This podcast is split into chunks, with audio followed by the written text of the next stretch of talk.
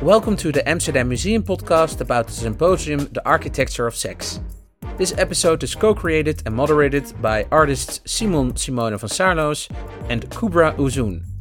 You're going to listen to multiple essays and conversations about topics ranging from ableist architecture and surveillance technologies to sexual communication and disobedience in the city.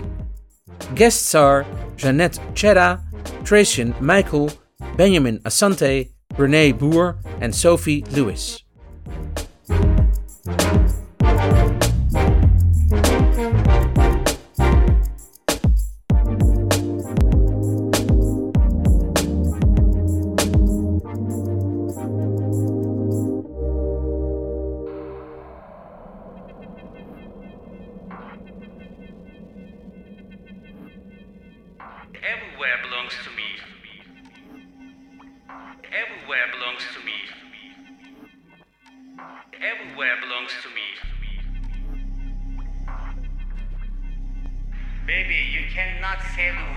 The world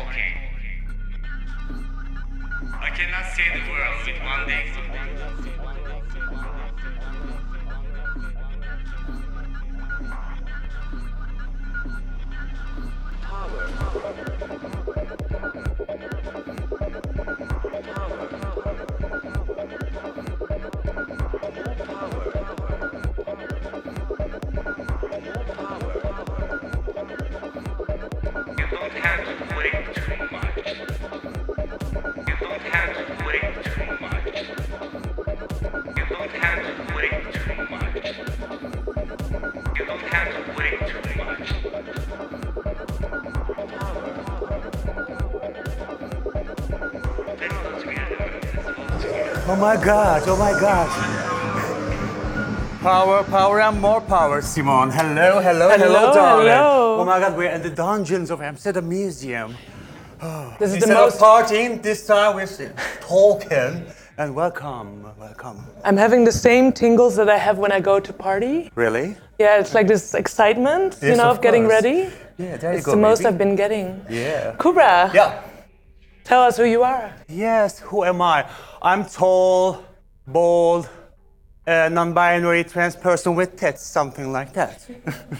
Great introduction. Yeah. So I'm Simon Simone, and I am a white person, blonde, kind of short hair, freckles. Um, I'm wearing all black, just as you, Kubra. And, and handsome every time. Handsome every time. Thank you. And I'm also having colored nail polish. Yes. Yeah. They're glittering. Yeah, I love them. Look at them. Yeah. So, I mean, shall we cruise again together? Then we start. Great. Cruising Gezi Park. Yeah. You've heard a little element of that in the song. Uh, that who made it? Tell us. Çiçek Çocuk made it. And it's basically some fragments from the Cruising Gezi Park, um, which is the work that Kubra and I for the Refresh Amsterdam uh, exhibition in the Amsterdam Museum, which is where we are at this moment in the catacomb. Um, and we made this in October 2020 um, in Gezi Park, which is one of the most famous parks, I guess, from Istanbul, uh, because of the 2013 protests. Um, the protests started both because um, the government wanted to uh, construct a mall there, a shopping mall. Um, and of course, people were saying, like, oh, but we need to save this greenery. But there was, of, of course, also more to that, and it was very visible. visible.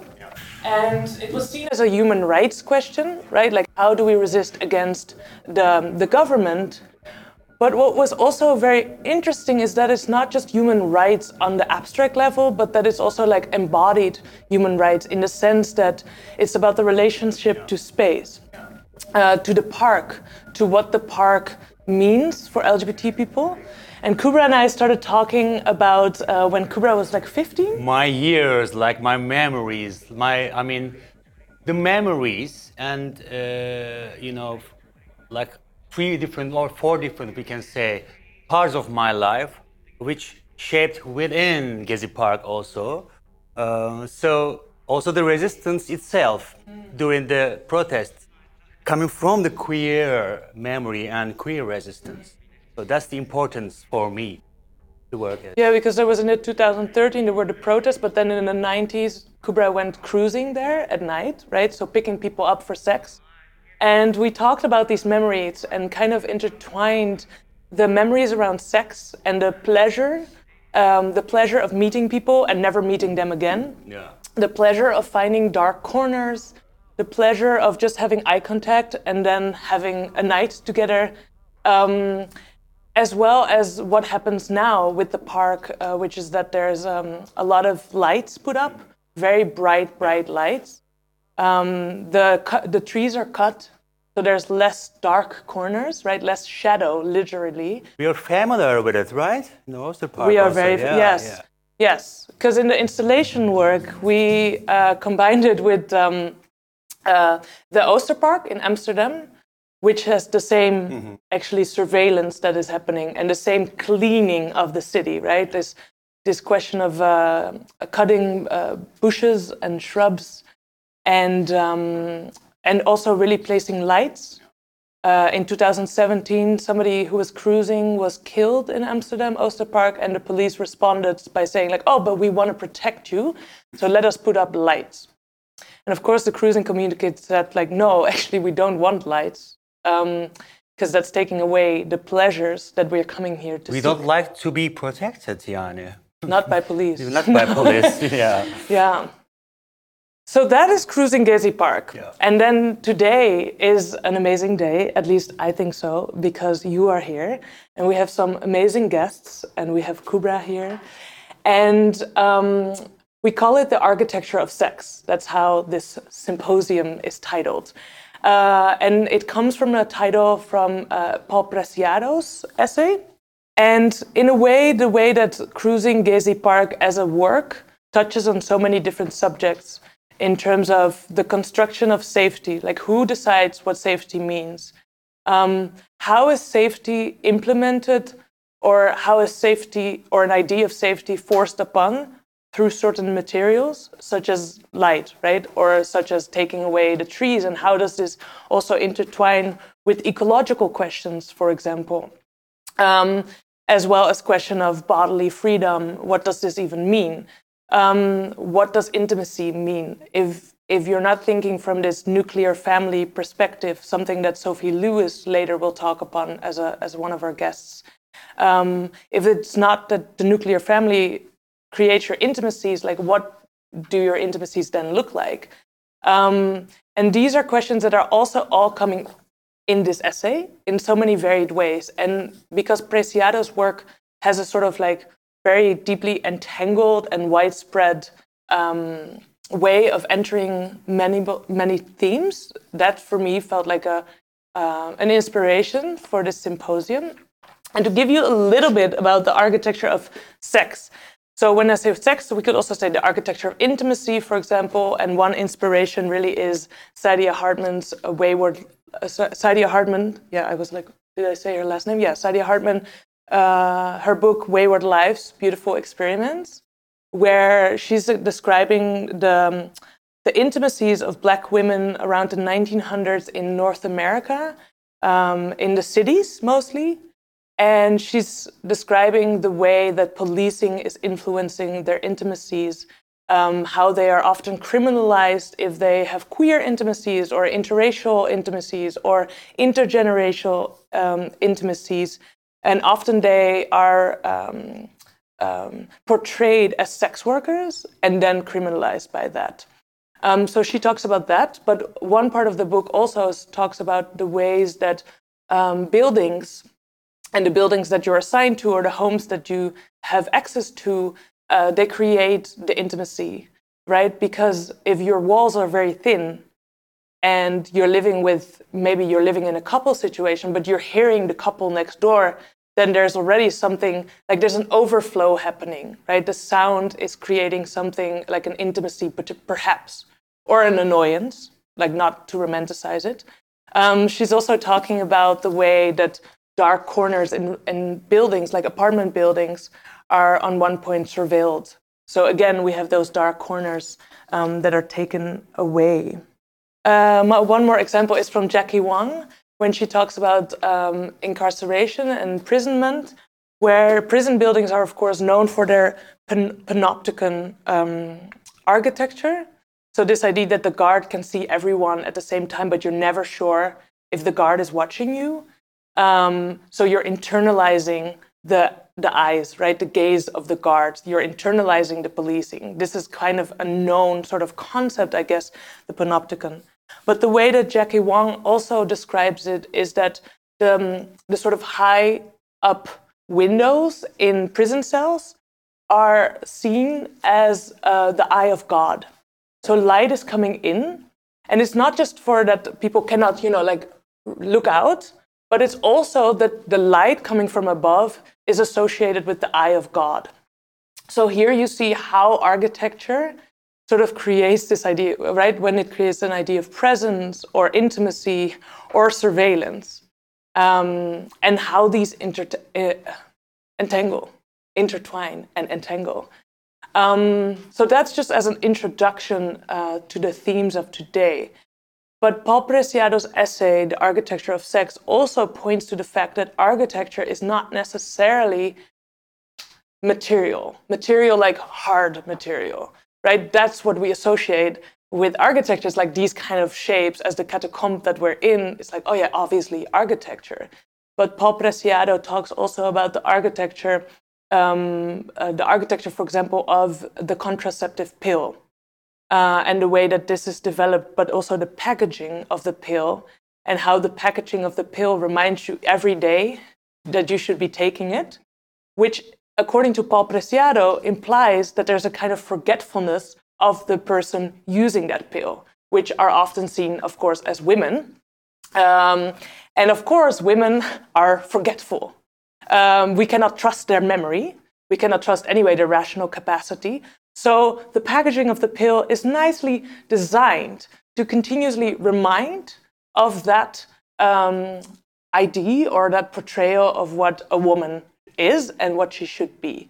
And I think that the contraceptive pill immediately reminds us that architecture is not necessarily, um, yeah, it's not necessarily the hard shapes or the shapes that we imagine when we're looking at architecture, but it's also the technologies that we might swallow. It might be the fluid technologies. Um, and all of these themes will, in one way or another, come forward in our amazing guest talks, sharings. And I think this is a perfect moment to introduce our first speaker, Tracian Meikle.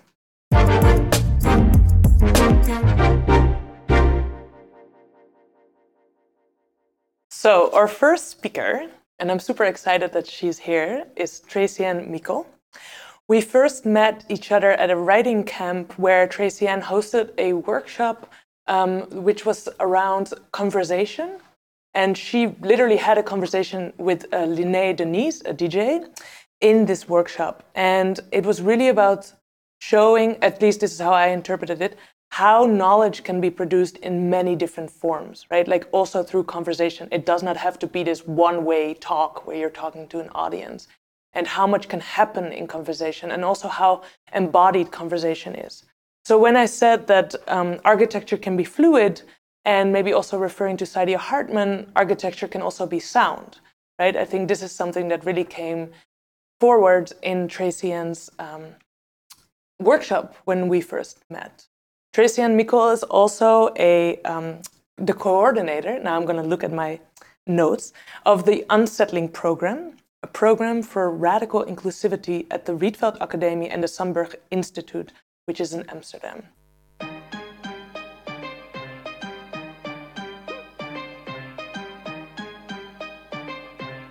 Power of pussy. The power of pussy. The power of pussy. The power of pussy. The power of Lord God, back it up, then over, gal a go on bad. Him buy her the Birkin handbag. Then she left him. Blood like the dark mad. Power of pussy. Jesus, when gal can please man, dream lad. Gunman transform in a deacon. Look at you get some Anton real man. Power of pussy, marvelous. Bring out the Marvelous. anger and the calm in us. In a one pum pum boy put all the trust. In a the rubbish bin a him and a dog a us. Hello, dear. Welcome. Thank you. Thank How are you you? How are you feeling? I'm feeling good. That was great. I get yeah, I get what Simone was saying earlier about um, feeling like oh you're kind of at a party. Like it, Mm-hmm. it's been a while since I've danced with someone.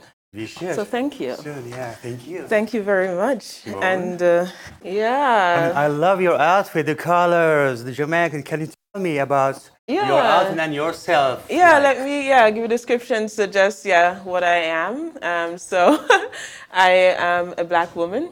I have long dreadlocks, and I am wearing a Jamaican um, South African designer collaboration that I bought when I was in Jamaica um, this yeah this past Christmas.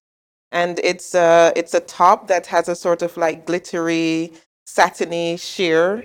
And it's with the colors that are really associated with Jamaica red, yellow, green. Yeah. And um, yeah, we're in jeans, sitting on the stairs, ready to have a chat. And um, and thanks Simone for the introduction and also bringing in when we first met, because this is the way in which I really like to be able to talk, um, which is really a conversation. And um, and this invitation really gave me the chance to think through um, kind of what it's like for me to move through the cities in which I have lived most in my adult life. Um, those cities are Kingston in Jamaica, where I'm from. Well, I'm not from Kingston, I'm from Mandeville in Jamaica, but Jamaica, where I'm from. Um, and Amsterdam here in the Netherlands, where I've lived for seven years now. And oddly enough, I think maybe if you added up every single day, it would be equal in both cities. But in terms of my um, sort of full residence or what's on paper, Amsterdam is the city that I've lived the longest in my adulthood um, so far. And whenever I think that, I always feel a sense of, of, of kind of sadness, actually, which I, I mean, you'll probably see why um, as I kind of talk a little bit more. Um, also, now officially Dutch. Um, and for a while, I mean, so there, there's also something about like, what does it mean to, I'm living in a city where I'm also kind of, yeah, have all the rights to be in in what is considered to be full citizenship rights. Um, so there is also that aspect of it as well. Um, while of course, yeah, feeling quite immigrant. Um, so, but yeah, I, I wanted to to kind of talk a bit about this video, um, which um, I super I sort of put together um, two cell phone um, footage um, of um, Jamaica or Kingston, Jamaica, and then Amsterdam, in the Netherlands. And it, the idea came to me with this song because I was driving, and if you don't mind putting up, yeah, for Jamaica, I was driving. Um, when I was in Jamaica, I have to drive. That's the way in which I get along um, in the in the city, get around the city. And uh, when I was driving, I was driving my brother's van, and he had a CD in it with like just um, yeah, just dancehall music, Jamaican dancehall music. And then the song came on, and I was just like, oh my God, this is amazing. I love this song. Like, for it to just be like straight out the power of pussy. Um, and, you know, this song, of course, it's super hetero, but it's this song with this, you know, this guy, this dancehall artist just saying, hey, like, let's let's just talk about the fact that like a woman's vagina is something that can bring men to their knees. Like let's talk about this, you know, and like let's put it in a song. And I was just just my mind was blown one that the song existed. I love that. And then the next part was just me sort of like then just like loving and blasting the song as I just kind of went through the city. And it was this I was going to see my friend, you know, of course it's always sunny, so you're kind of in this situation where I'm just kind of like driving my brother's van, just going across the city, actually the same, um, yeah, the similar route to what's kind of shown here because I didn't video it immediately, and just kind of just going through driving, overtaking cars, you know, of course you're in traffic sometimes, you know, the windows are up, you know, you just sort of just blasting the music, going through the city. And it gave this feel of just, um, yeah, there's this freedom, there's this joy, um, there's also this just sense of um, of of just yeah this is um, it's amazing to be in jamaica as a jamaican. Like it kind of gave me this feeling of like I, I love my country. I love the the sort of way in which we can have this music form that can in some sense be super misogynistic and then in another sense can be just very affirming sexually for us as women. And and and what does it mean to really just kind of just go with that and sink into that and just it's, it's kind of like biting like into this really juicy peach or something as you're going through the city Um, and uh, it, yeah, it was just amazing. And I, I was I kind of repeated the song like maybe four times as I was going through, you know. And um, and so I kind of wanted to just think through that feeling and how that feeling um, kind of um, you know what does it mean? I mean, there are certain things that kind of come. Well, I, let me kind of before I'm trying to get, not get too intellectual about it yet, so I'm just talking about how I feel, um, and then jump to how I feel in Amsterdam. Um, and uh, for Amsterdam, um, you know, like when I'm also going through um, the city, then I'm I'm riding on a bike, of course, which I love. I actually fucking love riding on a bike. Um, I mean, I yeah, if I had to choose driving or biking, I'd choose biking. Um, and and there's also something which is what I'm also glad that could capture the video that the weather finally decided to do the right thing um, so that I kind of capture the video also of what it means to also be on the canals in Amsterdam, biking in the sun. It's like a fairy tale, right? Like it's just, you know, you're also just sort of like they're going through and you also just feel like, oh, everything is like, this is great. It's just the sun is great out. You know, everyone's just chilling. It's leisure. You know, the, there's this sense of also joy um, as I'm going through and I'm listening to the music but there's there's but there isn't this sense of like oh i'm jamaican in jamaica feeling this sort of like um, affirming sort of like sort of music this music that affirms my sort of like way of expressing myself sexually right? There's not that. In fact then it starts to be a little bit more the opposite. This this idea that i feel great but i think i feel great in a sense of like in a position to what's happening around me. So at the same time that I'm really enjoying the canals, I also understand what the presence of the canals mean. I understand, um, in some sense, how people are on the canals and what they they see when they see me. So like I'm thinking about what I'm seeing and how that affects me, right? So it's beauty on one hand, but then it's also um, a sort of beauty that has a history that in that has always not only um, sort of alienating me, but deliberately oppressing me, if I sort of look on the historical aspects of it. And then, um, so there's a way in which I don't have that connection, I think, to the city that I've lived in for seven years. Um, in the same way which I have this connection, of course, in some sense, of course, home may always be home. So maybe that's understandable with Kingston. So yes, I'm biking through and just sort of like thinking, you know, I enjoy sort of like dancing, you know, like I'm, even today I was like, let me listen to this again and think about how I feel coming through, you know, the Nahan structures because I live close by and, you know, and just sort of like, you know, just loving and moving and dancing. But then of course, just having this awareness that people maybe also be looking at me and thinking, who's that crazy girl like moving on her bike? Sometimes I do like a little like, trying to do like a little twerk thing, you know, like you're on the bike and you're like, because you're getting into the music and you're just kind of like feeling it, but you get the sense that this is not the norm and you aren't the norm. And in fact, on that note, like I wanted this idea of you aren't the norm. Um, I brought this this book um, from Kei Miller, his most recent book, Things I've Withheld.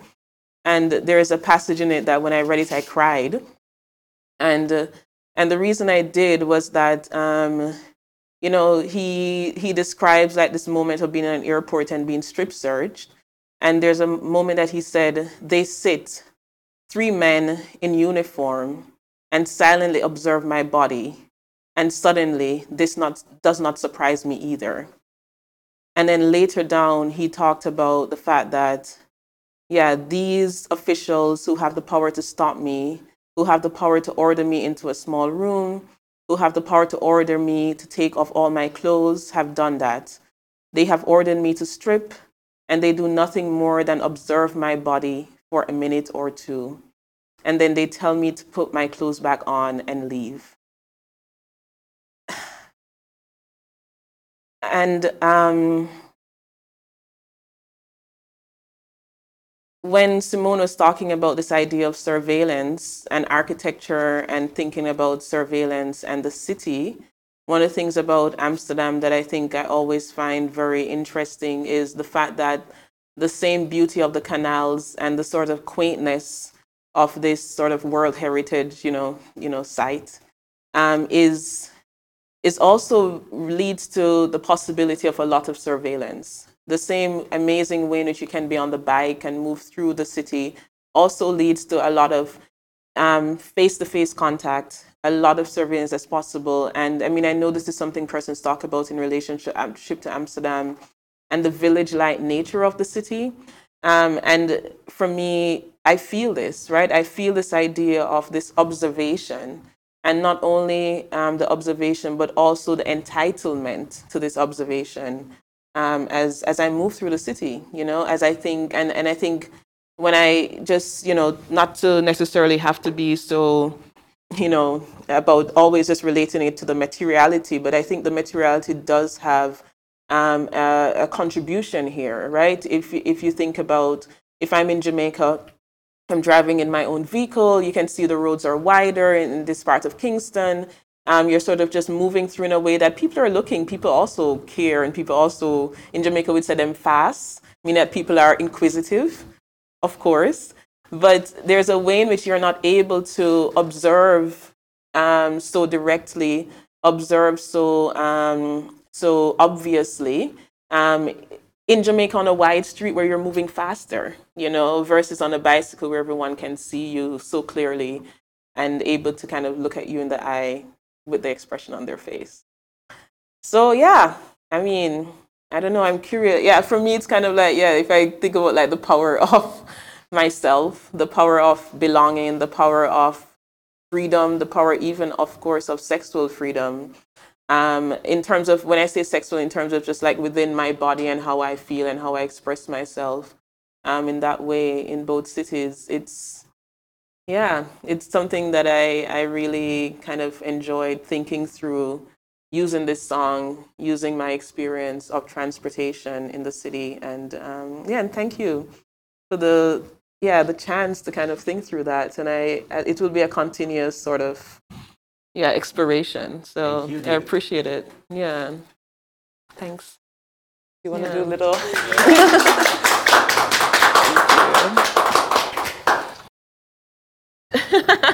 I, kind of want to. Do you want to like I love it. This the question? Do you have anything in mind? song. Something, maybe a question that you would have already? Yes, yeah.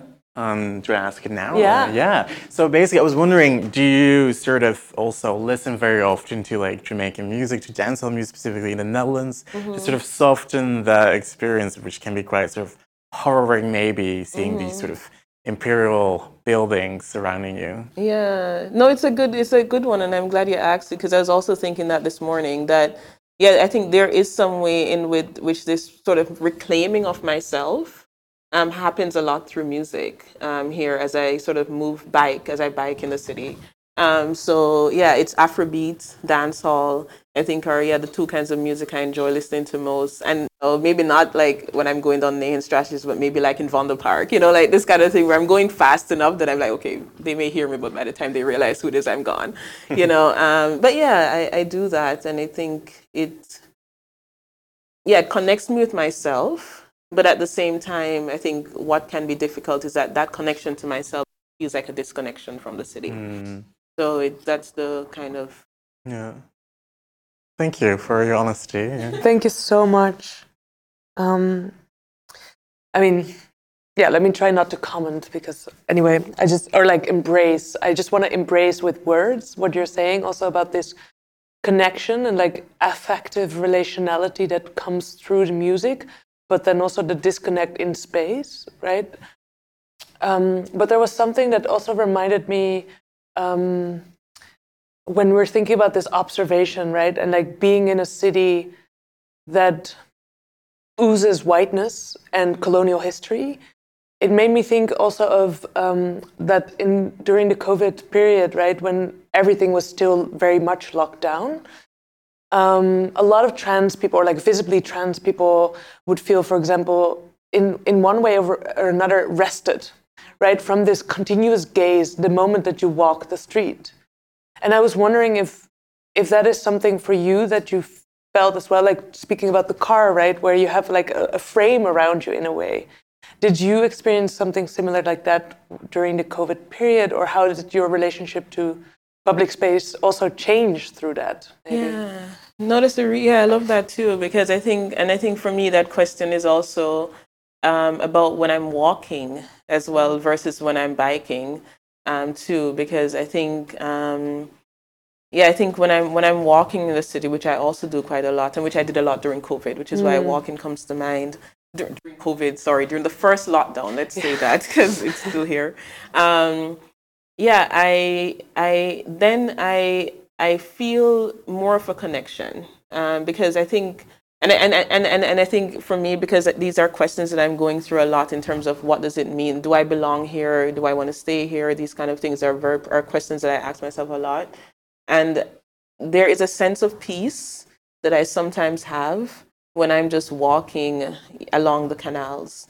Um, when I wake up in the morning, and, and the beauty then comes. The beauty then gives me this sense of calm and peace. And and I and I and I think the difference there is um, is one. It's like yeah, there are less people, and so I think then I can sort of like form my own relationship then to beauty to the nature um, I probably, yeah, the buildings matter and may not matter as much then. I think I then turn my attention more so to the water um, than to, to kind of looking up or looking around at people.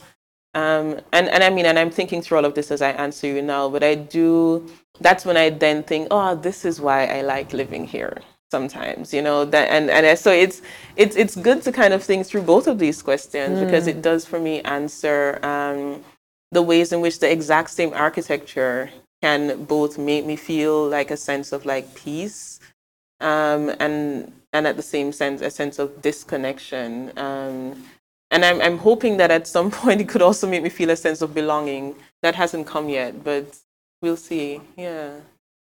Or if it, that never comes that's also fine with me. Then i'll also just leave. Yeah.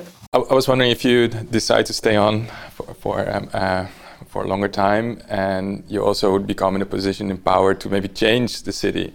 Like, what would for you be the most important thing to change in this outlook and on these canals in a way that it would make you feel more uh, welcomed uh, and more yours also? Yeah, yeah, for sure. Um, I mean, one of the things that I've done already um, is is with a group of persons. We co-founded the Amsterdam Black Women Meetup, and part of this was to also respond to the overwhelming whiteness of the city, especially in the inner city. You know, like kind of just in what's considered to be the yeah the wealthier parts of Amsterdam and you know, and, and how it is that we would have brunch in places that, you know, normally when people step in and they see like 10 black women, they're like, uh, you know, kind of this, not necessarily like afraid, but more so just shocked that they never see that, you know. Um, so I think having, and the reason I brought that up is that I think having space for people who actually very much engage with the with, with Amsterdam or with inside the room of Amsterdam. They live their lives here, they do things here. But um, but how many spaces do you have for them where they feel like, okay, this is for me, this is where I belong, this is where my sort of social needs are prioritized. Um, so I think that's that's what I want more. Like I need there needs to be. I think for a city of Amsterdam, uh, like Amsterdam, which considers itself to be an important city in the world, there's very little space for, um, and this is sort of like leisure space, gathering space for people of color that just feels like, yeah, I'm gonna go to this bar, and this is the bar where I know if I step in, I'm gonna see like ten cool black folk. You know, where's that? In the in the inner in the sort of inner city? of- Not many places, or maybe yeah, could yeah. Some persons would say none some persons would say not many but there definitely needs to be more. So that's how i would i would sort of have more of these spaces in the city. Yeah. Woo!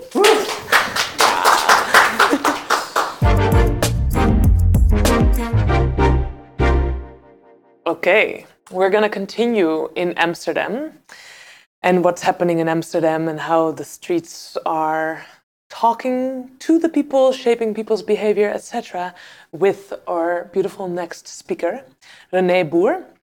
Renee Boer is an organizer with the Failed Architecture Collective.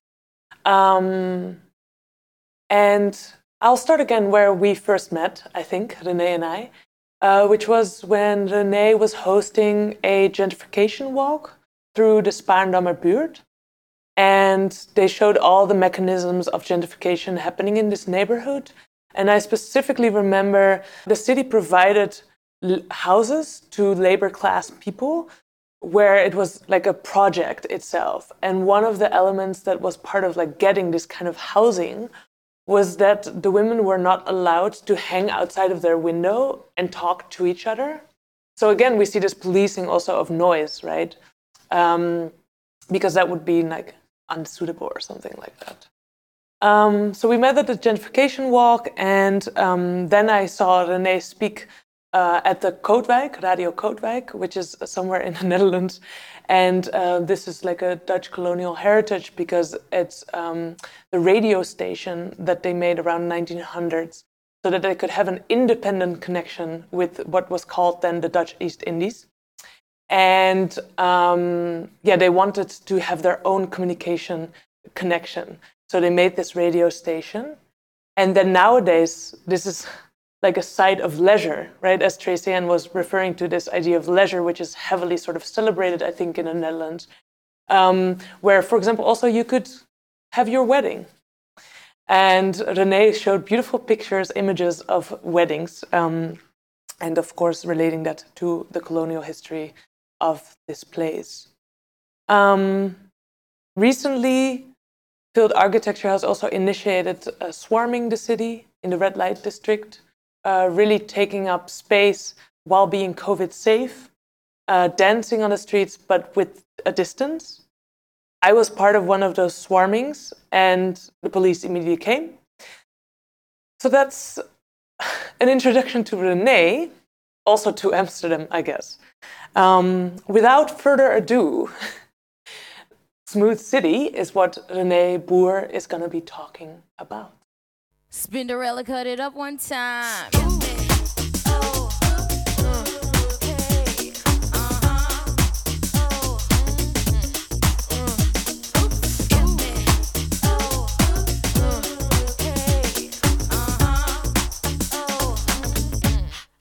Come on. Let's talk about sex, baby. Let's talk about you and me. Let's talk about all the good things and the bad things that may be. Let's talk about sex. Let's talk about sex. Let's talk about sex. Let's talk Come, Ronnie. Thank Welcome, you, darling. thank you, thank you. Would you like to describe yourself? Yeah, I'm uh, I'm a guy with a white guy with uh, blonde hair. I was born here in Amsterdam, uh, not far from here actually. Um, yeah, that's me. So welcome to City Smooth Life, Smooth Sex. Yeah, exactly. We are on you. So today I will take you all to an imaginary city where you've all already been. Upon arrival, you immediately notice how everything is like soft and smooth, finished and apparently perfect. Buildings are in an excellent condition, they're new, renovated, and well maintained. Public spaces are high quality, clean, clearly controlled, well designed, and also well maintained. Anything you might want to do has already been predicted and prescripted. Everything is designed to stimulate consumption. Every inch is under the control and conforming to capital, power structures, and social cultural norms. Everything looks the same. And everywhere you look, new technologies create seamless, on demand services. As far as you can see, there are no voids, empty lands, or vacant properties. There are no aberrations, there's no abnormalities, no confrontations, frictions, or tensions. There are no layers from the past, traces from others, or references to elsewhere. No alternative narratives seem to have made a successful claim on urban space unless they're neatly encapsulated in the wall. Nothing is in the process of becoming something, everything is already ready. Welcome to the Smooth City. You've probably recognized it. It's not an existing city, but it's an urban condition that's on the rise uh, almost everywhere, in particular here in Amsterdam. Right. And I'm showing you an image of uh, Oostpoort, a new development in Amsterdam Oost, featuring an empty public space and two, and two towers. And I think the smooth city is something uh, that is clearly redefining how people understand the urban, but also how people live together in cities, and also how people have sex. And the smooth city is nothing new. Um, already in 15th century Florence, the elite was annoyed about like mingling with ordinary dirty people on the only bridge connecting the two banks of the city. So they ordered the construction of another layer on top of the bridge. And I'm showing you an image of the, the Ponte Vecchio in, in Florence. Uh, but later in 19th century um, Paris, uh, the authorities asked Baron Haussmann to create new straight boulevards cutting right through the, uh, the, the, messy urban quarters where the regular people would live, um, creating new spaces for consumption, but also allowing military police to, to drive around and control the city more easily. And after the Second World War, um, there was like a change in direction in the sense that people were actually escaping the crumbling and dilapidated ruined cities after the war and trying to go into, let's say, these suburban areas, uh, trying to escape the unsmooth cities, all the while solidifying patriarchal norms in these, in these suburban areas. But in recent times, this quest for smoothness has moved back into the city across the world. I'm showing you an image of uh, Venice, where the historical area has been slowly be turning into some kind of shopping mall with still some historical elements left here and there. I would like to give you a bit of a sense where this smooth city comes from and how it, what are the forces that are driving the smooth city. And first of all, I think it's the rise and current hegemony of neoliberal urbanism. So the, the neoliberal thinking uh, on, on city. And it, there's a lot to say about this, but maybe some elements are the privatization of housing and services and the commodification of space. And secondly, I think there's um, a wider cultural turn towards control, conformism, conformism and the polished spectacle, everybody being addicted to Netflix every single night. And another very important cultural turn, I think, is the return of the middle and upper class to the city. Um, so rather than actually going to the suburbs or into the countryside, they're en masse moving back to the city, creating much, a lot of pressure on the city. And of course, this is also happening and impacting in Amsterdam. So we see the neoliberal restructuring of the city, the massive sale of social housing, promoting as a city as a brand, I Amsterdam. There's this renewed interest in Amsterdam. There's an influx, mostly an influx of well-to-do people, uh, bringing, yeah, tourists, for example, but also expats, also people from the rest of the Netherlands with a lot of money, and also bringing with them like a homogenous consumer culture. And this also relates to a growth in, in the number of hotel rooms, in Airbnbs, uh, upmarket shops and restaurants, and all the voids are being filled in. All buildings have by, by now been renovated. All public space has been upgraded. There's zero tolerance towards street art, graffiti, unwanted elements such as drug dealers and, uh, and or the homeless. There's zero tolerance towards squatting or alternative lifestyles. We also see the proliferation of CCTV, preventive police being reintroduced at the moment. Uh, there are large-scale beautification plans, such as the Rode Loper or the uh, upgrading of the red light district. I will say a bit more about that later. So, according to some, Amsterdam has never looked so beautiful. Um, and of course, I think this is something that is, we're now touching on the paradox of the smooth city.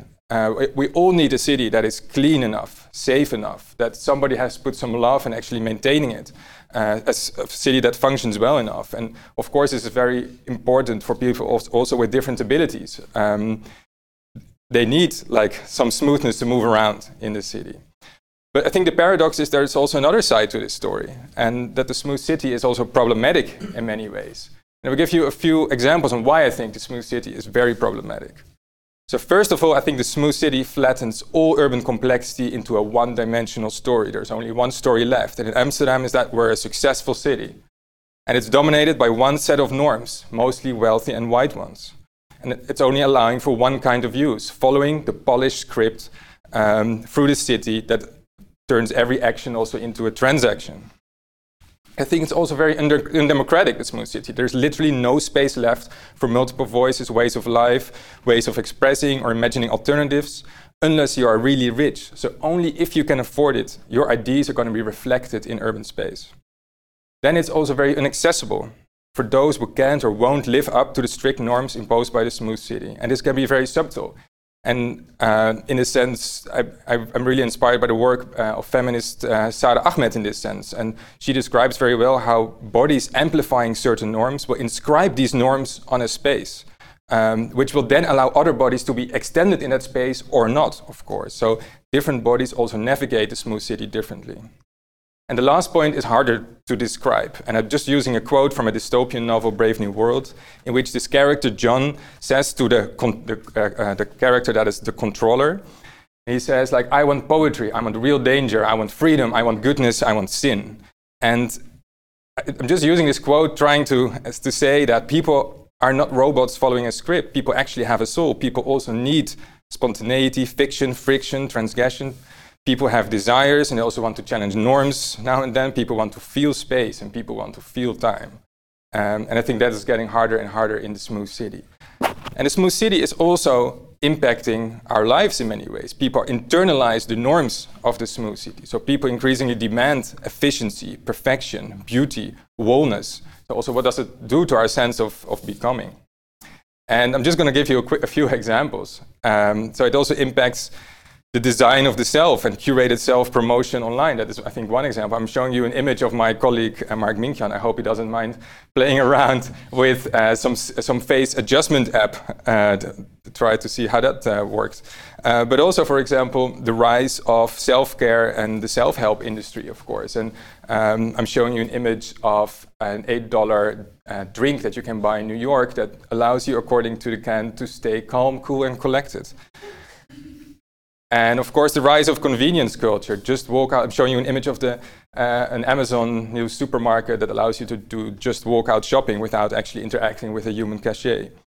Um, and then there is this focus on, on control. Uh, I'm showing you an image of an advertising for Google Nest, sh- uh, showing this like uh, interior in pastel colors with the Google Nest appliance and a lot of cameras, of course, some millennial mint objects here and there.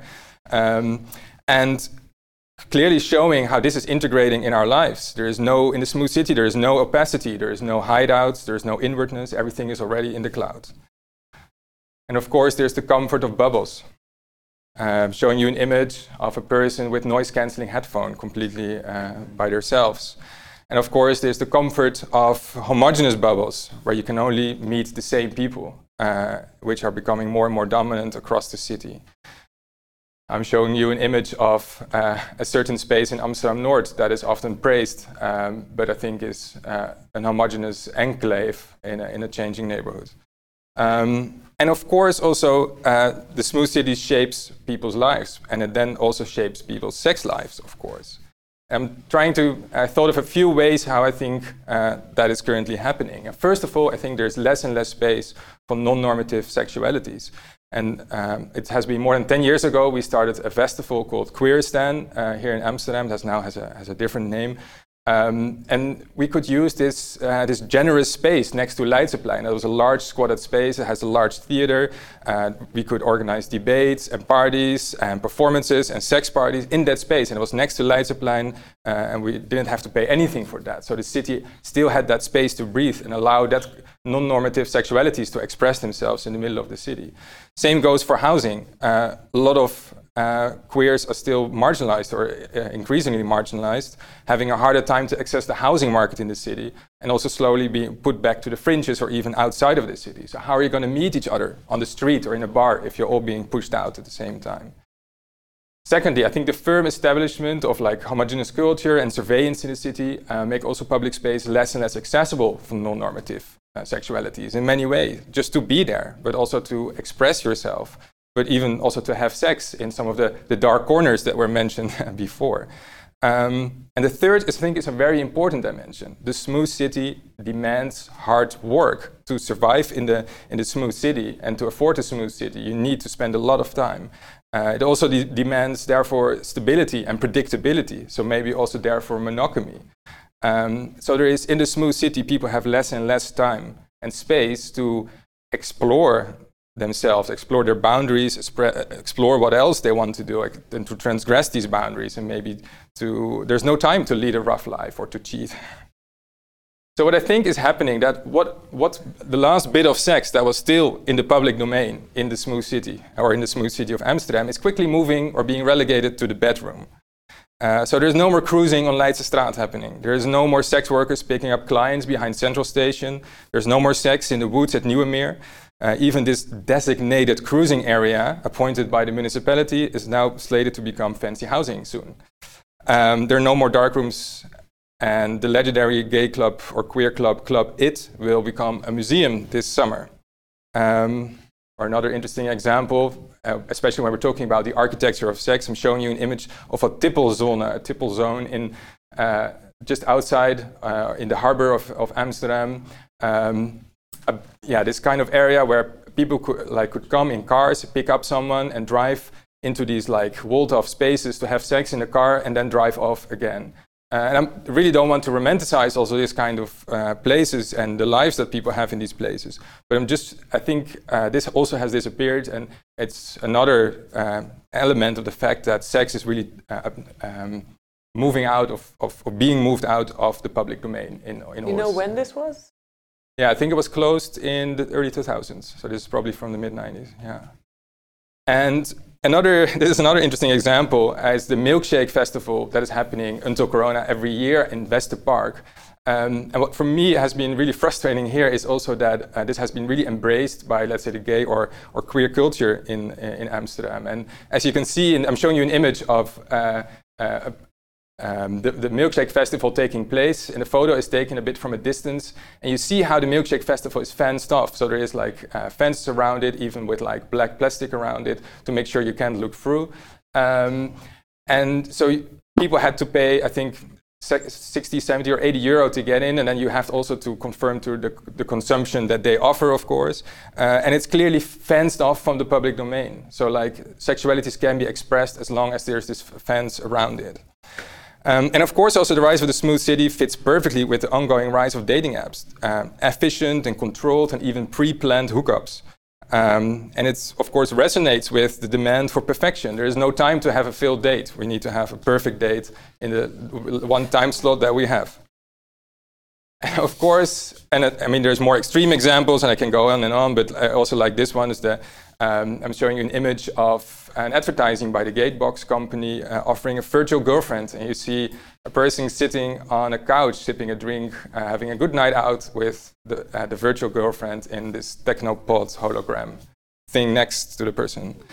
And of course, Corona is yet another dimension, uh, escalating all these kind of developments. So everybody being isolated at home, strict evening curfews, and as noticed by many large porn providers, a spike in porn consumption throughout uh, from March last year onwards. Um, so if the last bit of sex in the public domain is shifting to the bedroom, we also have to acknowledge that in the expensive, increasingly expensive smooth city, many people have to live with their parents, their partners, their ex-partners, or their housemates, and which is also drastically shape the liberties people have in their life, and it's drastically shaping uh, people's sex life, therefore. And I think also one quote by Paul Preciado is really beautiful here. Um, and that's, uh, that is from the, the, essay Architecture of Sex as well. And that is architecture is a performative technique. It produces the subject it claims to shelter. So also the architecture also produces the sexuality of a subject. And I'm again showing you the images from Amsterdam Oost, this Oostpoort development, and I wonder what is the kind of sex that is taking place in this building. To close off, I would like you to take you to the red light district, or the Wallen, as they're locally known. Uh, well-known area, the historic center of Amsterdam, which has a long history of sex work. And I'm showing you an image of the Oude Kerksplein with the sex workers standing in the window in the, in the mid-60s with some people looking what's, what's happening there. Um, and until Corona, this was an incredibly intense, sensorial, and vibrant neighborhood with uh, a large community of sex workers, but also a large LGBT and fetish community with several bars and sex clubs and related shops. And I'm showing you an image of a packed street uh, in the summer before Corona started, with like basically the street being entirely filled with people going around in the in the red light district. But over the last few a few years, the authorities um, and especially, I think, part of the city elite um, have cultivated this out of control discourse on the red light district. So the rest of the city is becoming this smooth and quiet canals and the 19th century ring around that. Uh, and this, the red light district is a bit of the last bit of unruly urbanism that needs to be incorporated in, let's say, this controlled system of the, of the smooth city. And so the municipality at some point hired this researcher to research the, uh, the, the, problems in the red light district. And this person made a report, this white, uh, old uh, cis dude, making a report saying um, the red light district is an urban jungle and we need to intervene. And then the municipality hired another old white cis dude to um, actually decide on what we should do or what the city should do. And he said, like, it's indeed an urban jungle. We need to turn it into a monumental garden. So like like using all these colonial tropes and colonial metaphors of the wild that needs to be tamed and needs to be intervened immediately. It needs to be silent, it needs to be smoothened out. Uh, and apparently this unruly sexual part of the city needs to be brought back in control.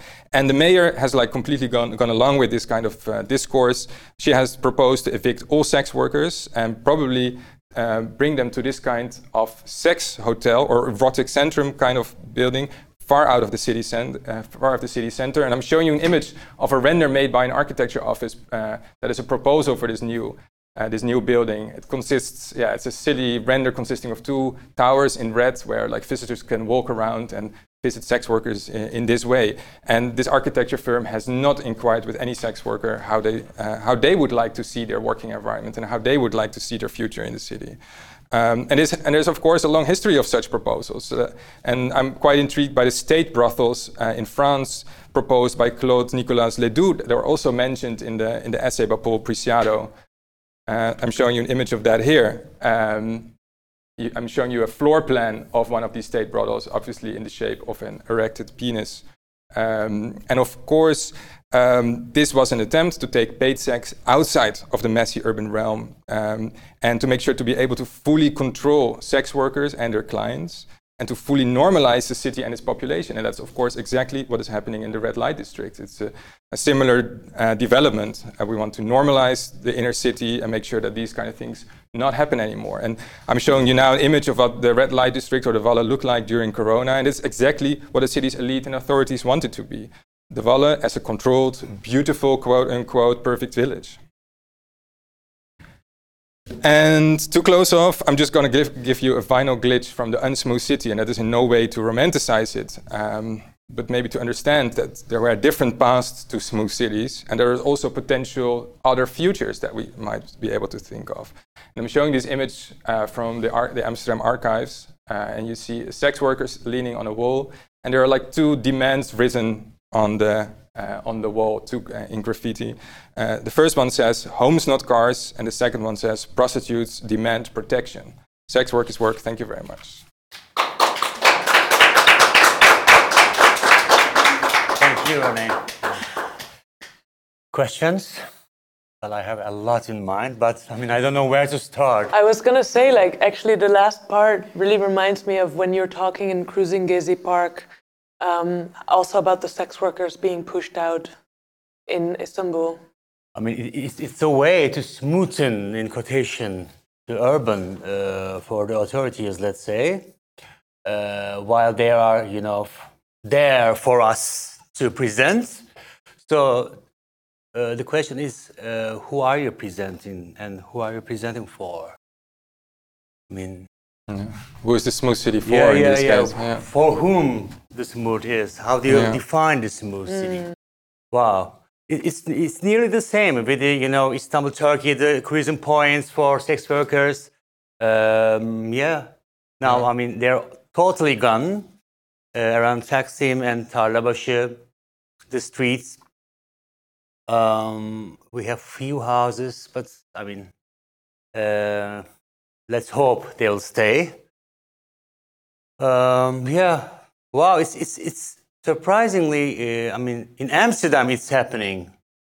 Yeah. Wow. and, and even here, it's also maybe drenched in this idea of humanitarianism, ri- right? So uh, we need to stop human trafficking. We need to help the girls uh, without even asking them what kind of help they want. Uh, but also, like even at some point, uh, one of these these guys making these reports said, like, we cannot allow this anymore in the age of Me Too. So actually. Like uh, weaponizing uh, a feminist movement into actually uh, stigmatizing sex workers. So, uh, pretty extreme variety there. Yeah, on, on, on the other way, red light is red light. Yeah, I mean, like, I mean, as more than a coffee shop, like, you know, going to red light as a tourist. So, I mean, don't they think about even this, you know, red light is red light and it's there. I mean, it should stay there. I had a question because you you claim that basically this sort of this emergence of the smooth city is sort of rooted in neoliberalism, but wouldn't you also agree that sort of the sort of functional sort of understanding of, of the city is very much rooted in this Dutch tradition, which you know is sort of you know uh, spearheaded by Delft University, Eindhoven, and of course Wageningen, which sort of you know lend a lot of their sort of theoretical sort of interpretation of what design is and what a city is in, in landscape architecture, for example, and you know the water engineering has very much shaped also how cities were actually designed and planned. So from this very functionalist, centuries-old tradition, we're now at a stage where, of course, Amsterdam sort of fits within this sort of neoliberal, globalized, sort of new urban development um, style um, which of course can be said to be neoliberal, but then how do you sort of like marry the two? Um, Yeah, thank you. Yeah, very very good point. And but what I try to show with some of the historical exam- examples, I think there is a long, long history already of like uh, elites and authorities try to smoothen uh, cities and spaces around them. And I think you're totally right. There's very specifically in the Netherlands a long history, of course. Um, in, in the colonial discourse uh, and in uh, colonial efforts to uh, smoothen uh, spaces uh, here, but also in places around the world. of course, with these large institutions also very much being related to that. Um, but, and maybe like if you look at a more recent time, maybe the, the why I used uh, this neoliberal fr- neoliberal framework, I think it's also maybe to, to distinguish it, let's say, from the 70s and the 80s, when there was still efforts in the redevelopment of the city, for example, to create social housing that would be equally divided according to a waiting list, uh, basically with like an almost communist kind of social housing system existing until the mid 80s. Uh, and right now, there is uh, this neoliberal turn from, let's say, the mid 90s, is maybe, I think, a very clear break with also during the 70s and the 80s, also a lot of people leaving the city, for example. Uh, and I think that's right now maybe the biggest uh, turn. So maybe on the short term, maybe that's the change. But yeah, I'm, yeah, I think you're totally right. It would also be interesting to look at a more, uh, at a larger time frame and the historical roots of that. Yeah. Yeah, I, I, I, I whenever I, I literally get sad when I listen to things like this because I think it, it also reflects um, yeah, my personal history with, you know, when I came to Amsterdam, Valreep was a place when I, when you, the 1st example that you showed of Oostpoort. Yeah. yeah. Um, you know, like when I, when I just, for me, when I think about how Amsterdam has changed and hence how this smoothness, I think also increases this disconnection or alienation or etc. in terms of my relationship to the city, I think can be symbolized in Valreep turning into those like Yeah. blocks of apartments like along the canal. And that was just in 2014, right? So it's really just this moment where, you know, Spuistraat being gone with the snake house Yeah. and, and not gone, but I mean, you have on a Frank Yeah. t-shirt. I mean, it's not gone, but then they're just thinking about the snake house being gone. And like, what does it mean when I think it's the, when you can see that the city is making a specific decision as you said, about where it should go, right? What does it mean to have query stand in Leidseplein versus like have an Apple store? You know, like it, these are just the kind of decisions that are being made over and over and over again by the city. And, and, and yeah, and it's, it's like a big shout. It's a big shout to the people who live in the city that, yeah, this is for you or this is not for you. And it's, it's also, I think what's interesting maybe for people like us, it's not even it's also about choice because kind of like I can be in any of these places at any moment, but is this where I want to be? And is this how I feel most comfortable? And is this the city that I want without soul?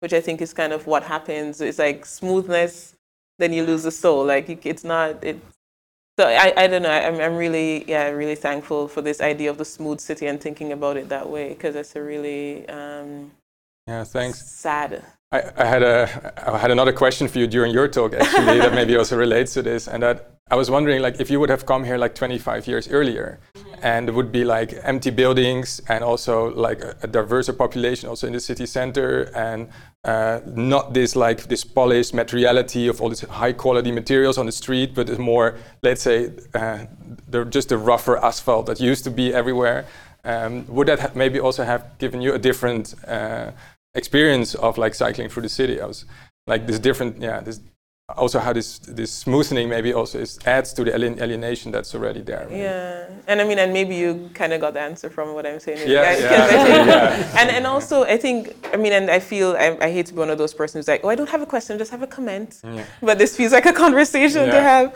Um, but it's just, I think, because I think what's what's important in this is not, it's just showing how it is that. Um, I used to also think that it's great to have this beautiful, just sort of like everything is perfect kind of place, right? There's this sort of beauty about Amsterdam that there's something to it, you know? But I, I remember um, also someone saying to me once when she came from New York and she's just like, Where is the dirt in Amsterdam? And she's just like, This place is too clean. And when a place is so clean, you need to figure out what they're doing with the dirt. And I just felt like that was just such a, a fantastic question to ask um, in that moment. And, and in that moment, I was also like, clean is great. But the more you live, the more you realize that, yeah, if you keep everything clean, then it also, there's humanity isn't clean. And I think it, then you sort of really lose this sort of like complex human element to a city living, you know? Yeah, I can give you a beautiful Yeah. example of that. I I used to live in a housing community on Kinkerstraat in the west, and uh, emerging out of the squatting movement. And on the front door, there was a lot of these like kind of political stickers, uh, right? And it's, and they were there every day, and like they were like this collection was growing, and it looked very colorful. But one morning, all of it was gone. And apparently, the municipality started a new zero tolerance um, policy, especially on Kinkerstraat, to get all the graffiti and stickers out. Uh, and we, we were first surprised, so we started to put some stickers back. But every Monday morning, they would be uh, erased again. So there was like this team that on every Monday would go through the through the, to the through the Kinkerstraat to make sure it would be entirely cleaned for the week. And so there's like even this, even was our own front door. It was not some kind of lamppost or something, but like uh, everything was brought, brought back into order, right? To make sure that it would like uh, facilitate this upgrading of the neighborhood that was that is taking place. But yeah, but maybe maybe it's also good. Uh, we shouldn't be. Uh, let's not end on a sad note. Like, very sad. I think the smooth city is also very unsta- unstable. Like if um, there, there's no money to clean it anymore, or the cleaning is not happening, uh, within a week it will be a very colorful sticker palette. So I think the smooth city is also like a matrix of control that can crumble uh, uh, if you if you don't invest in it, or we choose not to invest in it as a city. But, yeah. Yeah, but like from a positive note, Yeah. I was I did want to ask a question about resistance. Um, but first, just to just one second about this zero tolerance, right? Like this word for me, I'm just like so stuck on it. It's like buzzing in front of my eyes because it's implying that there is a kind of tolerance that would exist, but at the same time, the idea of zero tolerance kind of um, it exposes in a way that tolerance as a as a sort of term or a concept. Yeah. No, but also that it is always already linked to this zero, like somehow, right? Because that it's always already somehow linked to power, obviously. I mean, we know this, but there's something about like using zero tolerance as a slogan throughout the city where it's just a reminder of this that tolerance is given to you and taken from you. Yeah. It's, don't bas- know. it's basically uh, like a kind of measure that authorities can like turn up Yeah. and down a little bit, and there's like the scale goes all the way down to zero. Yeah, right? like Kubra's volume. you know, like you, it's just like sliding up and down, so much power. But then, uh, speaking of resistance, like when you showed the image of the architectural design, maybe this is a call for, but I wonder, maybe you know better, whether there are any resistance or like um, proposals of refusal by actual architects.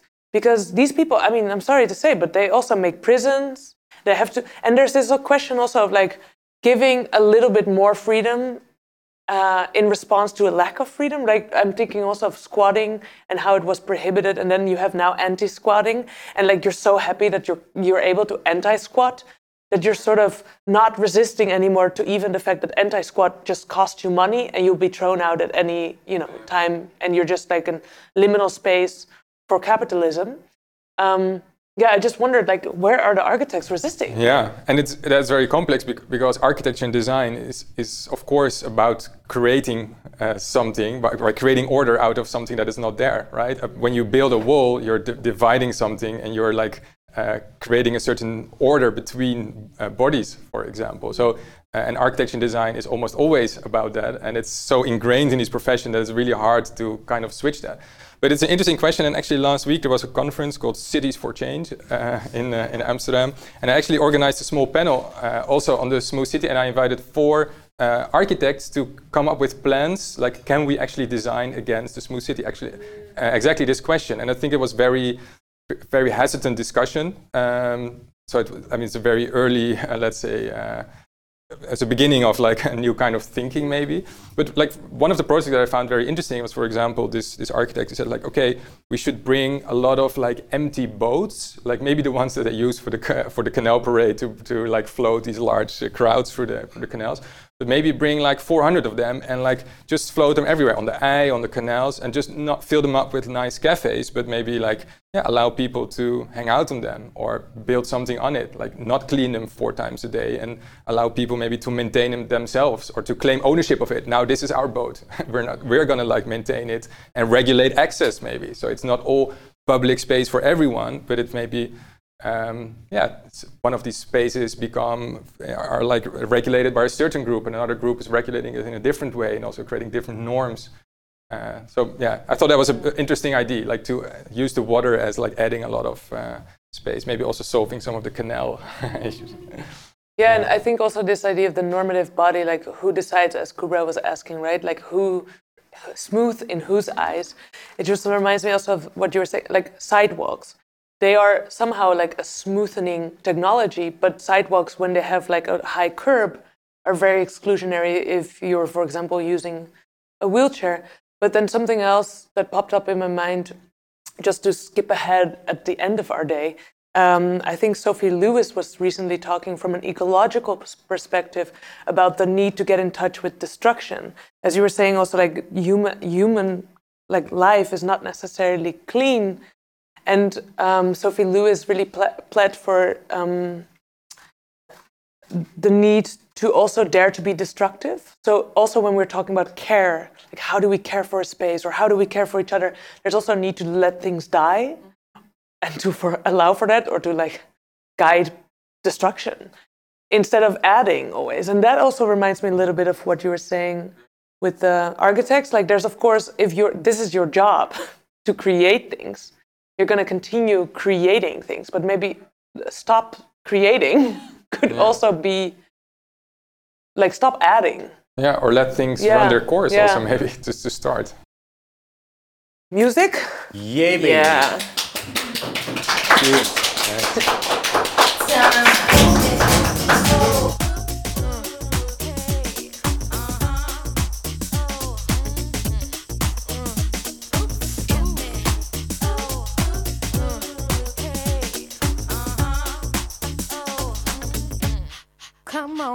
about sex,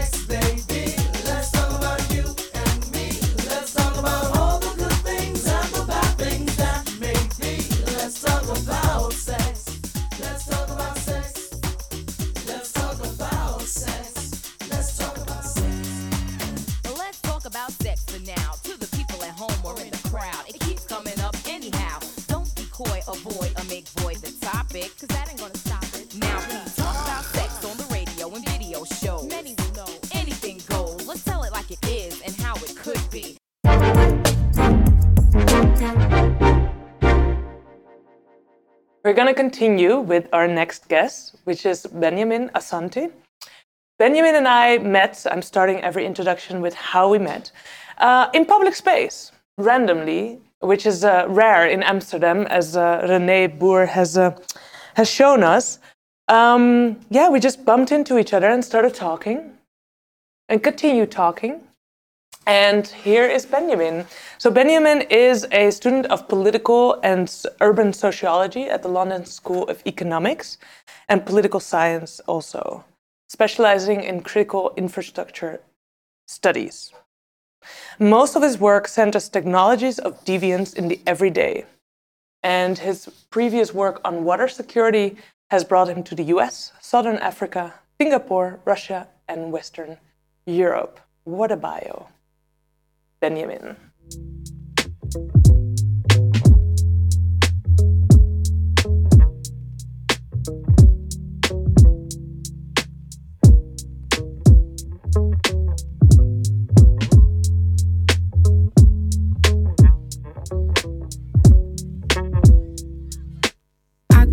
color of your eye in the reflection of the sky. I need a second in the mile high club. I've been pushing buttons cause the feelings that I'm missing need a beating, and my hands don't seem to fit these gloves. I think I calm and collected, hard and respected. Pride is neglected. Those gold chains on your neck look expensive. One shot life, Brexit. Hello, hello, hello, dearest Benjamin. Hello, Kubra. How are you, darling? I'm good. How are you? I'm fine, feeling great. It was a great dance. yeah, yeah, sure. we did it. We're kicking. Would you like to tell about yourself, darling? Yeah, so I'm Benjamin Asante. Uh, I am a 26 year old black male, a man um, with curly hair, uh, 5'9, tall. Um, yeah. So um, I'm going to talk today about how to see the street as a walk of shame. So, um, in this talk, I will be centering how we can study territoriality of intersectional racial hierarchies in streets, and to be exact, in the case of the sidewalk. I'm completely out of breath. the dancing. You haven't all been the dancing sitting for a while. inside.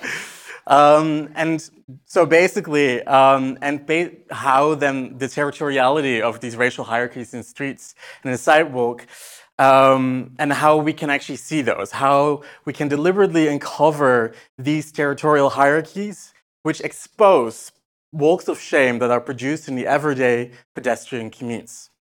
Um, in the pre-pandemic winter, 2019-2020, I conducted a study um, employing a walking ethnography and also ethnography in London, where I aimed to academically situate and replicate um, Hannah Drake's Holding Your Space challenge. That challenge was about asking people of color not to yield space um, to white people on the sidewalk. This challenge spoke to the everyday experiences of shame where black, indigenous, and POC bodies are forced to make way on the sidewalk to white folks, cis men, or relatively lighter skinned folks. I was alerted to these seemingly sour, grueling, and potentially violent and deeply shaming experiences in 2018, when in conversation with two women, uh, friends of color of mine, I was told that a sidewalk is a battlefield uh, where the violent and shaming experience of daily pedestrian commutes demand space to be constantly yielded to white folks and cis men, whether it's in the Netherlands or any other major global city in the West. This was echoed by Haja Marie Kanu, who profoundly defines this as the politics of pavement. In Haja's article published by gal-dem in 2019, a wonderful news outlet um, that centers the stories of people of color from marginalized genders, um, Haja explores the following question Have you ever noticed um, that white people never move out of the way for you on the street? Haja describes that experience, particularly for black women, um, are what I define as shaming. Haja writes, I've been barged into, scowled at, and everything in between for simply deciding not to move out of the way. This is what I call the walk of shame, in light of today's conversation about the architecture of sex and Preciado's lecture published in the Funambulist.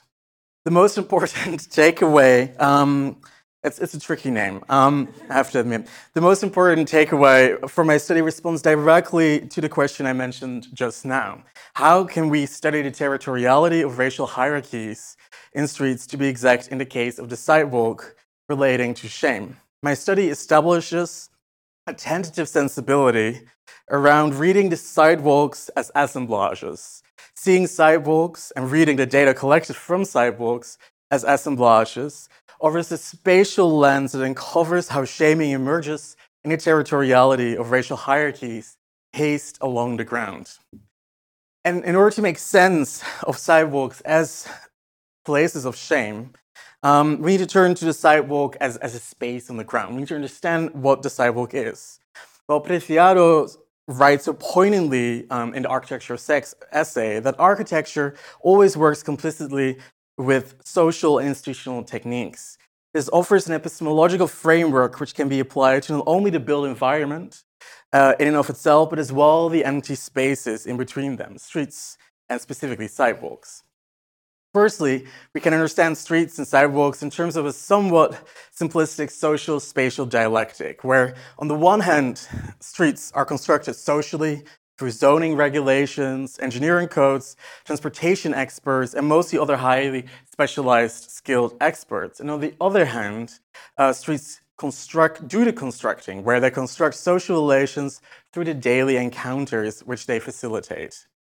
Um, much significance is placed in the latter end of this dialectic, where seminal works by the likes of architect Jan Gehl, or scholarly works by Jane Jacobs, or architect and ethnographer Suzanne Hall are seminal in advocating for an urban design tradition to inform public space planning. In particular, delineating the sidewalk as a distinct social and physical space necessitates such an urban design tradition. Why? It's interdisciplinary, draws from engineering, planning, and sociology.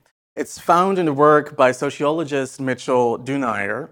And Duneier writes so brilliantly that to make sense of the sidewalk requires us to make sense of sidewalks as life.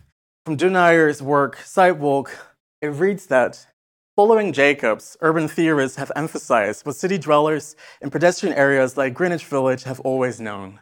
Sidewalk life is crucial because the sidewalk is the site where a sense of mutual support must be felt among strangers if they are to go about their lives together. Where Duneier highlights that integral to shaping particular sidewalk life are global, national, and some local forces. Well, we have that on one end. And on the other ha- end of this intellectual scholarship, um, or complementary scholarships, we have a social deterministic view of sidewalks, where the social logic of space, spearheaded by Bill Hillier and Julienne Hanson, regards the street and hence the blocks of streets connecting to other blocks of streets um, across the city to be prescriptive to the way we navigate and choose our travel plans. If we resist this programmatic reading of streets and human navigation in the city, we also resist the dominant transportation planning regime.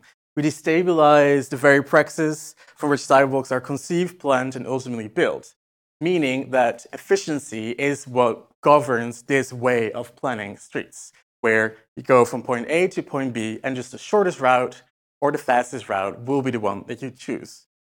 Well, emblematic, of course, of this um, way of thinking about a city and streets and sidewalks is, as was mentioned by René Boer previously, is Haussmann's redesign and redevelopment of Paris, where um, basically building off the experiences of the French Revolution, Haussmann realized that if you have small and narrow streets, people, protesters, revolters can easily barricade the street, and in a matter of just maybe less than an hour.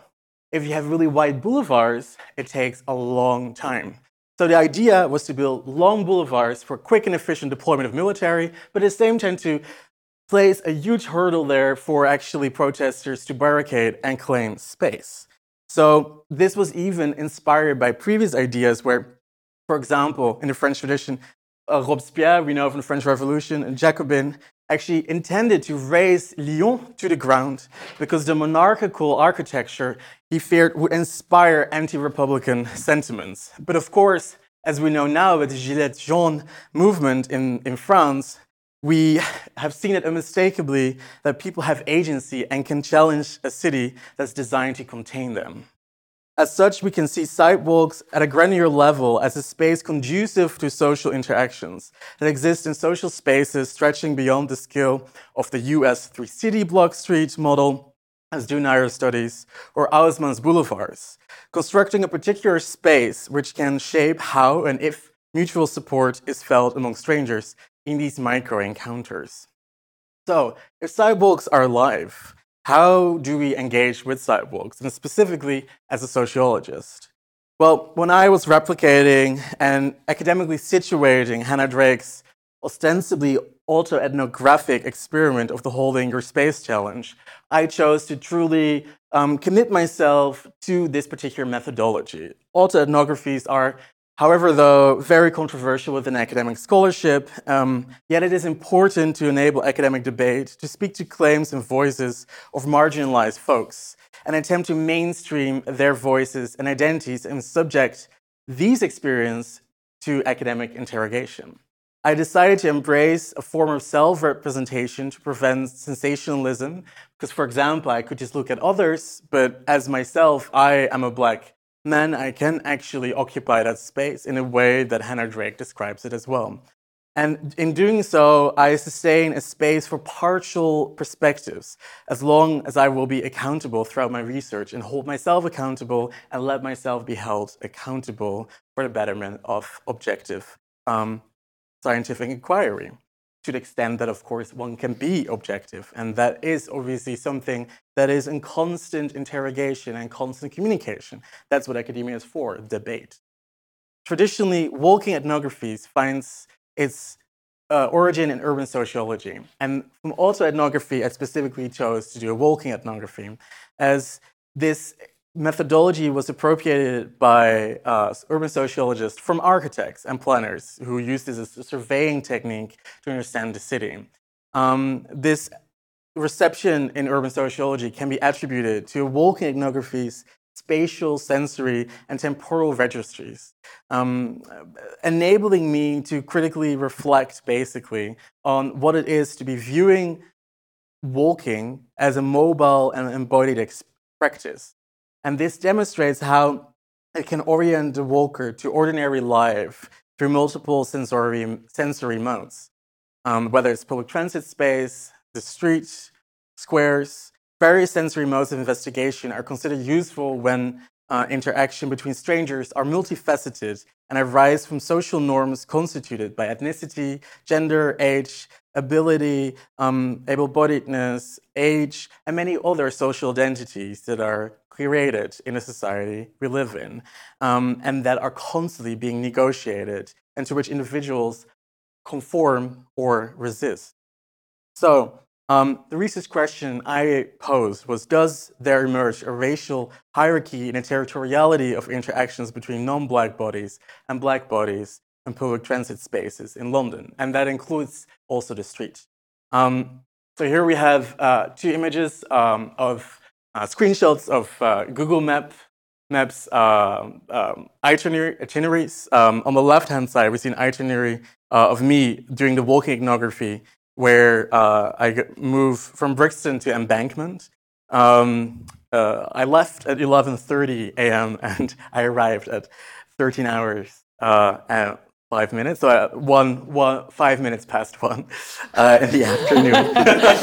13 hours. I'm, I'm yeah. not a military officer. No, I can't do that. Um, and you can see here on the left hand side that the image depicts basically the entire stretch of the walk that I did. And I chose specifically um, Brixton, and um, because it's one of the neighborhoods that has the highest uh, percentage of uh, black people living there. Um, it's actually uh, 24% of the population in the borough uh, is black. Um, and the other location, which you see on the right hand side, though this is an itinerary of the bus commute that I did, um, it, but I also did a walking ethnography there, though the picture doesn't obviously uh, re- reflect that, um, it, um, which took me less, uh, less time, more time actually. I left there at 15 uh, minutes past 11 and I arrived there at 14 uh, hours in the afternoon. So um, I chose Berkeley as well because 27.2% of the population there is black. So both those boroughs are uh, relatively high in the black population in the city of London, which enables me to basically um, really have a body in place um, uh, investigation where I basically, as a black person myself, can try to nestle myself within the experiences of the daily commutes of black people um, moving across space and a, in a duration of a few hours um, toward the city center. Because I chose in both cases embankment because that's the city center where you have a higher likelihood of more uh, of interracial boundaries being redrawn and negotiated, where there is just simply more uh, racial identities uh, mixing and, and congregating. Um, and in doing so, um, I chose not only Berkeley because it's also black, but also as I was living in Brixton myself, I chose Berkeley uh, because um, it's a neighborhood that I actually hadn't been in yet. So, what Susan Hall says, um, slower process of looking um, is basically facilitated when you are in a place that is unfamiliar to you. You start to look at things more carefully and you notice more details. And that allows me to interrogate my surroundings much more deeply and thoroughly. Um, so what I, did I do when I actually was doing the walking? I looked for visual cues that I could find in academic literature, in the article published um, in gal-dem by Haja Kanu. Um, so I looked at various different things, uh, such as who sits, who stands, who overtakes someone, who doesn't, who moves out of the way for someone um, when they um, uh, are approaching in the opposite direction or who doesn't. And there's a long list of different visual cues that I looked at. Um, but there were a few that actually sort of, um, in the end, proved to be much more relevant than others. So in the process of carrying out the walking ethnography, um, the following visual cues seem to be quite, quite uh, salient. So who apologizes for passing by or through? who is seen when people walk into each other, and who walks into others, and who anticipates to people approaching them to pass through. What I could see basically is that very often there were people who immediately apologized if they weren't walking out of the way immediately, or there were people simply who just walked on in a straight line and didn't apologize and didn't even notice the other person. Um, but the actual sort of verbalizing of this maybe sort of physical um, altercation, maybe even, um, is something that really allowed me to very clearly establish that there was a recognition on both for both parties that there was something that was out of the ordinary or was challenging the status quo of the personal space. Um, so I quote from my paper here that how I orientated myself to all passengers and pedestrians meant that I had to instruct myself to look around me every 30 seconds and especially pay close attention to movements when the bus, rapid transit would approach a stop, when people would take corners. Um, during these moments, people would negotiate, conform to, or violate social norms in the transit spaces. These snapshots proved to be most informative in addition to surveying if there is a racial hierarchy in bodies sitting or standing, overtaking, or conforming. Um, and the types of observations that I wrote down in my notebook were things like three white men approached, black woman started walking behind her white counterpart. Which I meant by that was that um, a black woman was walking alongside a white man. Three white men were walking from the other side in the opposite direction, and the black woman immediately, what I noticed or interpret as such, as anticipating to the three white men walking toward her, she moved behind the white man who was walking alongside her initially. Um, so these preliminary findings told me, and I quote again from, from my paper, in the walking ethnography, there emerge territorial hierarchies within and between non-black and black bodies. These preliminary findings are inconclusive in establishing if these territorial hierarchies exist distinctly between non-black and black bodies. Several forms of territorial hierarchies did emerge when coding data that show that between these two groups, social expectations are not always mutual and are negotiated, adapted, and reinforced in space. In certain instances, priority was given to non black bodies by black bodies or taken by non black bodies. End quote. So it's important here to also not conflate um, the walk ethnographic observations with forms of racism um, as what I could observe were territorial uh, hierarchies uh, that emerged. But whether or not those hierarchies are attributed to racism is obviously a well established uh, conundrum um, that uh, exists within academia when studying racism. I personally um, struggle with sort of conceptualizing this as um, it was important for me to not as well sort of overlook the agency that people have themselves who are walking in the street. I could have, for example, relied on interview techniques to, to ask people how they felt about the experience, or I could record it so I could look back and make sure that what I saw was also indeed what I saw and didn't wasn't formed or shaped by maybe my personal biases as such, um, but that would violate privacy. So the issue here was definitely that what did become clear that there were racial patterns. Whether or not that is indeed what we could say a racial hierarchy um, play, paced out in territorial space, in territoriality, um, and that every interaction and such between non-black bodies and black bodies in public transit spaces are indeed part of a racial hierarchy is something that needs further um, investigation and conceptualization to order, in order to find the methodology and the approach to truly substantiate that. Um, so the potentially biased and inductive and hence interpretive nature of this research demands critical interrogation, um, uh, but at the same time, it also demands and I think invites more research. Um, that can facilitate um, this particular way of looking at the world with walking ethnographies to establish how racial hierarchies play out in territoriality and along, along sidewalks.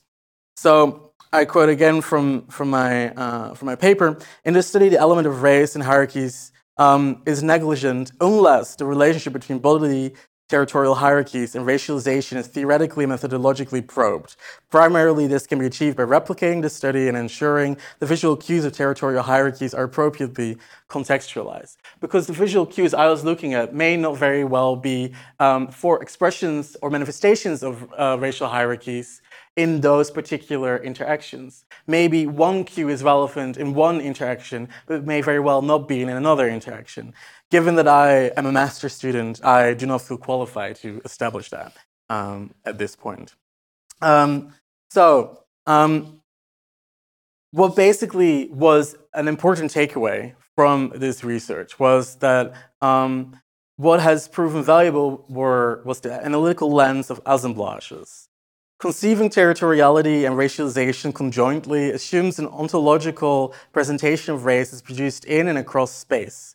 Agility within acad- academic literature to issues of race, space, and public transit offer unique opportunities to respond to recent political discourse that is expressly exploring the so-called politics of pavement. So I encourage further research. Um, where assemblages give us a citywide scale of interconnected sidewalk networks, which across space and time have differently located centers of gravity, where distinct micro encounters emerge within basically the particular um, bodily um, uh, interactions, um, micro encounters. Um, so that, that's to say that basically, if we think of sidewalks in terms of the framework of the assemblage. We allow ourselves to look at how streets connect to other streets. It allows us to take into account the types of demographic of people, the social identities of people that are encountering each other in the sidewalk. If it's a neighborhood that's predominantly white, then the, if you look at a granular level and a street block level, then in the street you will not necessarily see particular racial hierarchies if in that case there's no interaction between uh, uh, a non-white body versus a white body. Um, so basically, um, assemblages allows us to take a citywide uh, understanding of how streets connect to each other and what type of demographic interacts and where, um, at what particular moment, different types of racial hierarchies uh, supposedly emerge and experiences of shame are uh, calcified and cemented in the social fabric that are produced by these particular assemblages of city, uh, of sidewalks.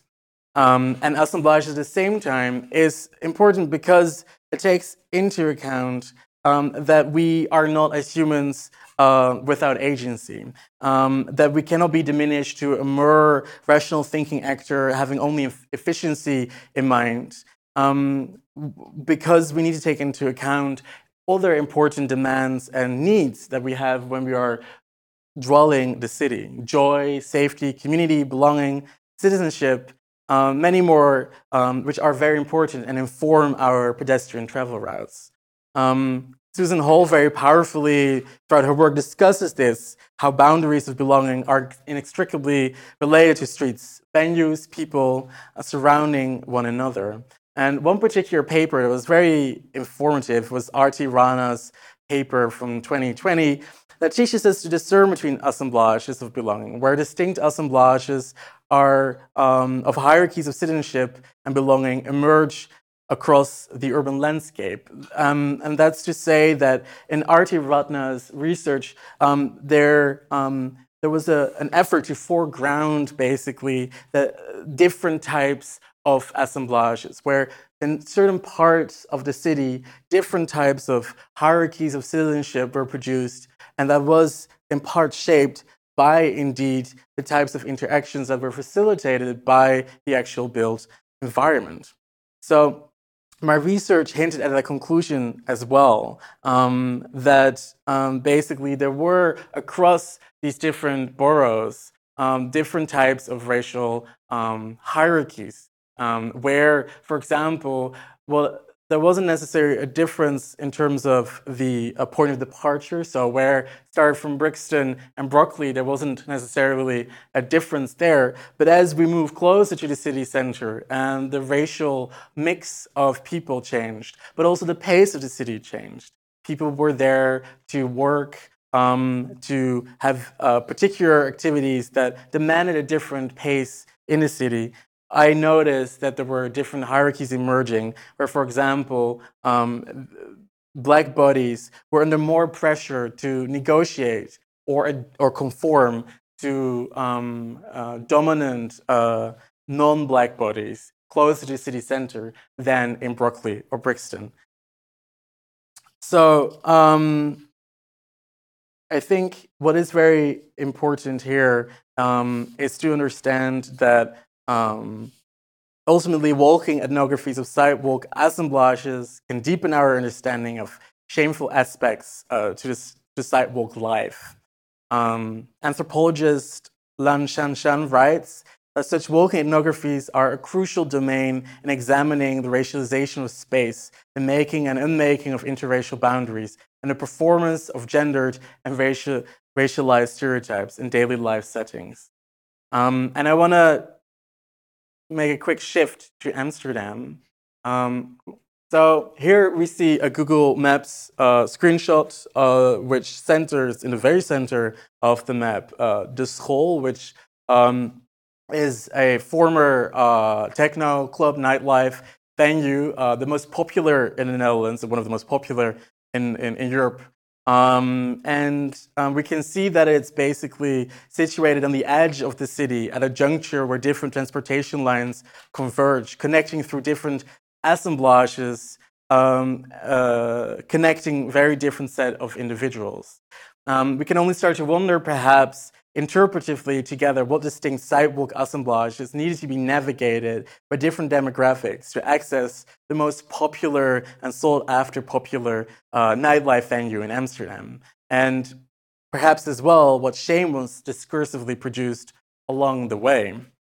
Um, I would like to encourage people to traverse from their home locations to the school and be attentive to the routine bodily practices that emerge on the sidewalk across different areas of the city, where what Sheng Yan writes open up series of spaces for critical reflections on what constitutes urban life in cities, prompting one to imagine how we ought to design sidewalks differently and designate particular venues across the city within assemblages which are conducive to mutual su- support among strangers instead of shame ending with de Certeau's work in mind, um, walking can be a form of resistance to routine of modern life.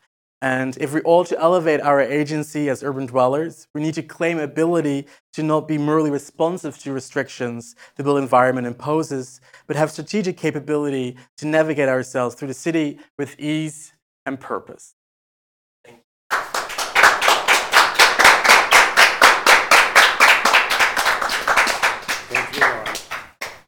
Questions? Yes. What is an assemblage? yeah. It's funny. I was just uh, in a I was in a PhD project where everything was about assemblages, or or not mine, but the Yeah, yeah. the sister project. But it's I, I was really um, curious actually about going back to the autoethnography Yeah. aspect of it, and just thinking then about um, your personal experience um, walking through the city. Yeah. Um, and and yeah, what did you sort of? How did you deal with these interactions and sort of maybe the racialized interactions as well? Yeah. So when I presented this this research project to my professor, um, I was I was told that it can be very well a very challenging experience because it could be, for me personally, very uncomfortable.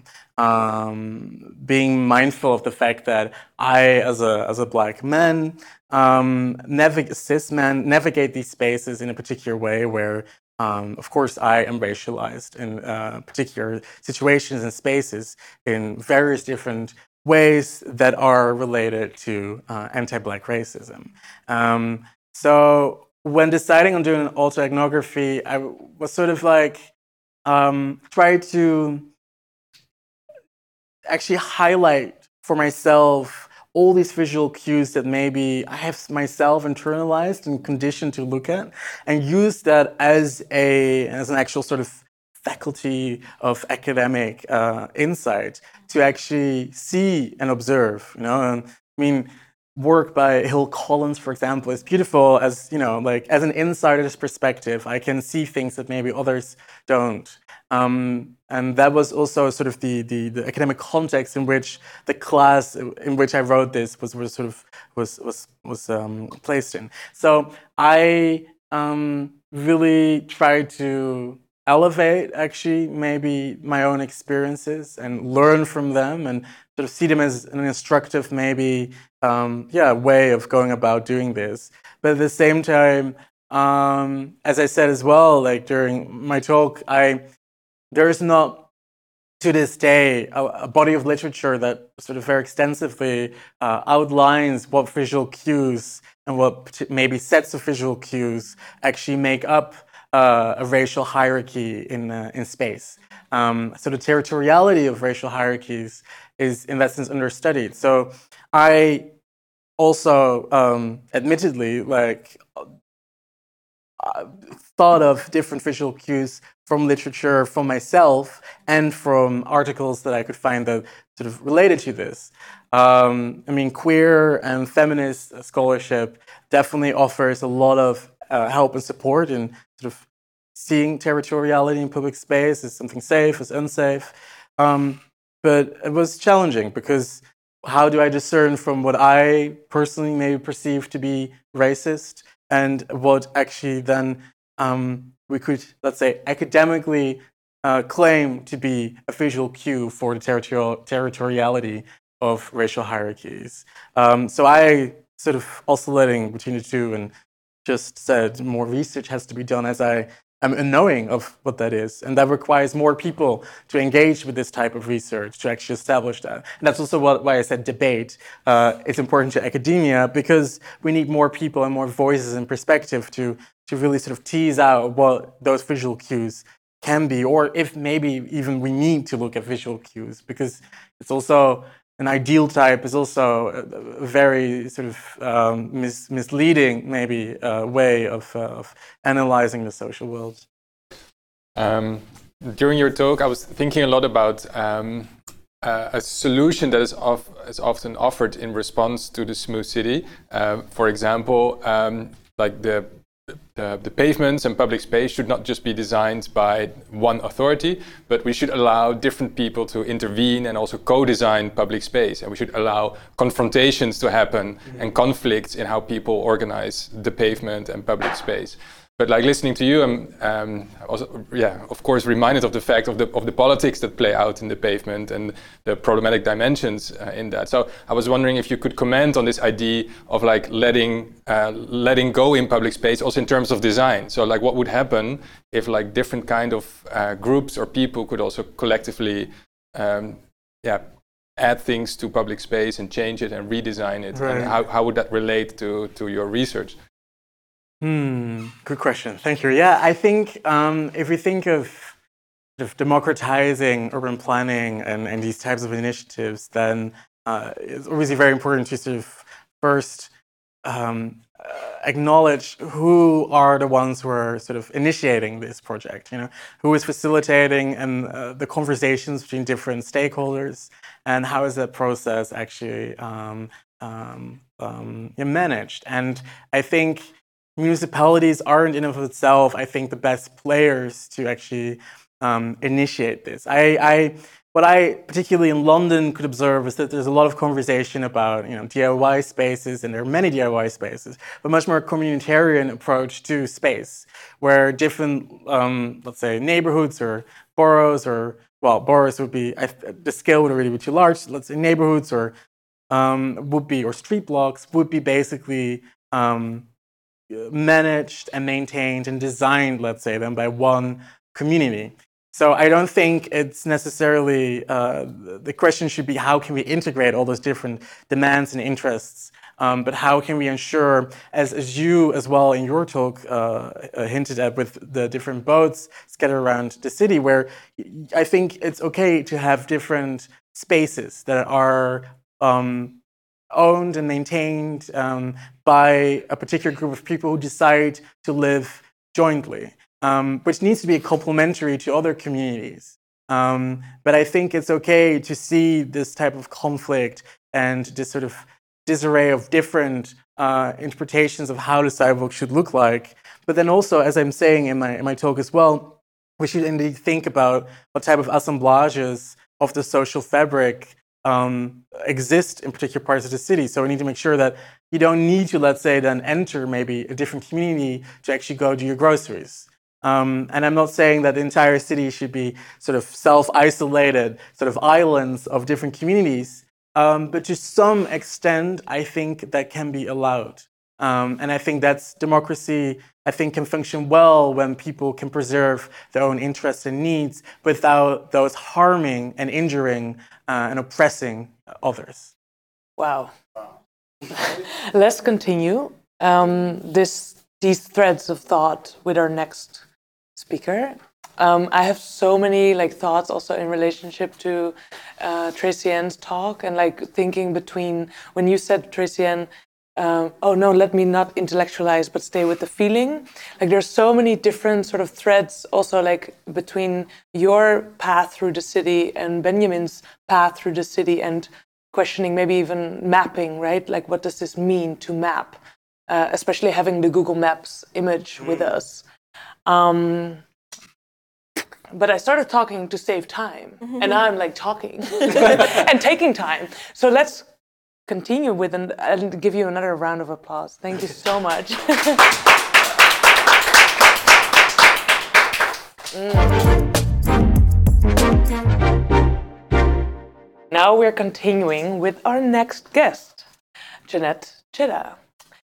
Jeanette is with us mentally for the whole day, but just arrived, not just as a surprise, but also because, of course, time is not always accessible to everybody because Jeanette has a regular job. And of course, we're filming during the day. So we're really happy that Jeanette is now with us. And Jeanette Chedda and I, we met each other, I think, at the book presentation of Clarice Gargard, which was a, a great party also a bit pre COVID. Um, and since then, I've been following Jeanette's work with so much admiration for your work as an electoral candidate uh, for the political party by BIJ1. But you're also the founding, one of the co-founders uh, of BIJ1 Delft. Yes, yeah. I was like, no, but you, you didn't know what you co-founded, but you co-founded, yeah the founder of BIJ1 Delft. You should claim that. Yeah, true. Uh, the founder of BIJ1 Delft, and also uh, Jeanette is an uh, author. Uh, you can read Chedda's work uh, in De Goede Immigrant, uh, Damn Honey, and Damn Horny. Shall we welcome you to the stage?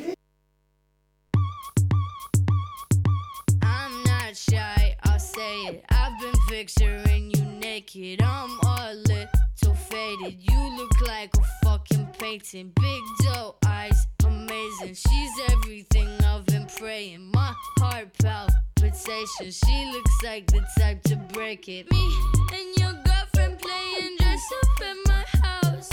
I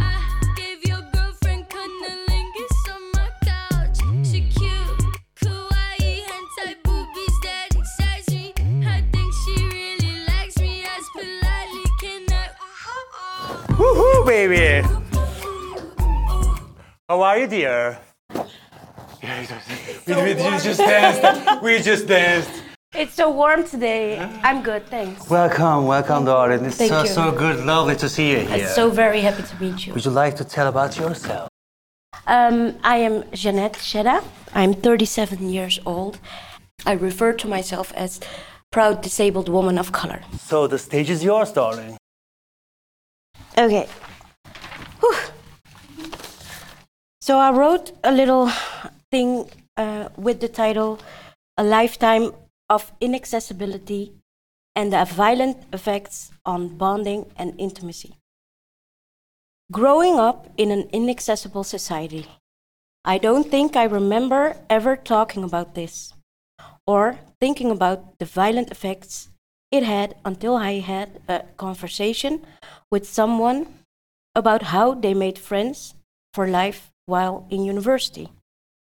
We were talking about how she went to events, bars, clubs, and how those experiences made her friends and connections for life. In this conversation, where I told this person about how I could never go out with my peers or wasn't even invited because I couldn't get into bars, clubs, or places they went to. Sometimes it was the physical accessibility, and sometimes they were too awkward about being me being disabled. Because all my life people have been awkward when seeing me on, or interacting with me because I'm disabled. When I was done talking, she paused. Look at me. She looked at me with a certain look, and then she started to reflect on how deeply this must have affected my life and my friendships over the years, and how important the friends and connections she made then are still important in her life. In that reflection, it dawned on me wow, I never realized this before. Until that moment when this person reflected on the effect of the inaccessibility of this society, I have been blaming myself. And I realized something else. I never got over the fact that I always felt bad when I saw pictures of friend groups on social media. Now I knew why I felt bad. It is because deep inside I wished I had those friend groups too. I was a little jealous. And I was angry because I didn't have those friends. I was angry because I blamed myself. I blamed myself for being disabled. Let me take you back to where it all began because that was way earlier in life. I grew up with a brother who was three years younger than me. He went to preschool in the same street we lived on. I didn't. I had to go to a separate school with all the disabled kids. Special school. Special. It was a 30 minute drive. I didn't realize it then because I thought it was special. But now I know how violent it was on my bonding and intimacy. It was mostly a practical thing, but it was a thing with major consequences. I did not have the same friends as my brother in the same street. He played with his friends outside. I did not. I didn't know them. My friends from special school lived all over the city, and maybe once a year on my birthday, my friends came over to my house. And if everything worked out, more than once a year, just to play, or when I was invited for a birthday or to play. I saw my friends at school, but summer vacation was very lonely. I didn't run into my friends because they didn't live in the same street. I just saw them in school. I didn't make any long term, lasting friendships. I wished I went to the same school as my brother. It would have helped me bond with my brother too. I left the special school in the second year of high school. I wish I left earlier. In the regular high school I went to, I started in the second year. I adapted quickly, thank goodness. I made friends. I bonded lightly. I looked up to the girls. We hang out. We had adventures. But I was also jealous because all of the attention they got from the boys and all the stories they told about what they experienced with boys. They got crushes. I got crushes. They got boyfriends. I didn't. They explored their sexuality. I didn't. I wish boys weren't ashamed of. I wish boys weren't ashamed for being seen with me. In high school, I couldn't attend gym class. The school didn't, didn't adapt gym class so I could participate. They made me wait in the hallway for those hours to do homework. I blame myself for not being able to participate. I blame myself for being disabled. I wish the school adapted gym class so I could play with the kids too. Even though I adapted quickly, after school, all the kids took public transportation together to go home. I couldn't. I had separate transportation because of my wheelchair. Public transportation when I was a kid was not accessible at all.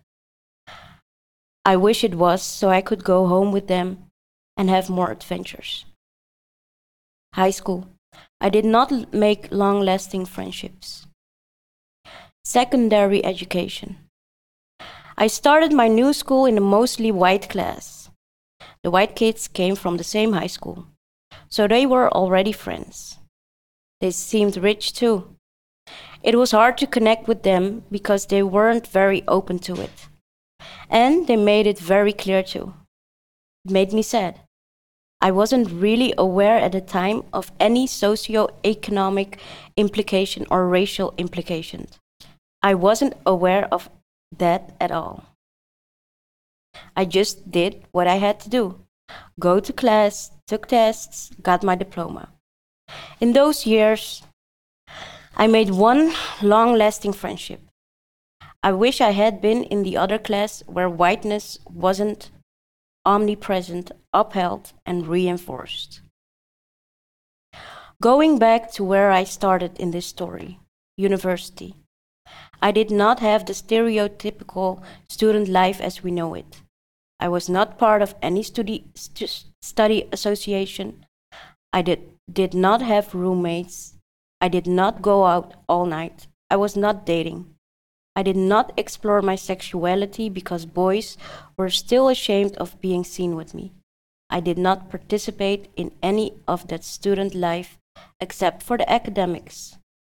In university, I did have fun though. I connected more than I did in all the other years before. But I did not make friends for life. I wish that stereotypical student life was more open to, open to disabled people. I have been looking to society from the outside mo- most of my life. I did not realize it then, but I realize it now. Shout out to the disabled activists and allies. I don't have to blame myself for being disabled. I don't have to blame myself for being disabled. I don't have to blame myself for being disabled.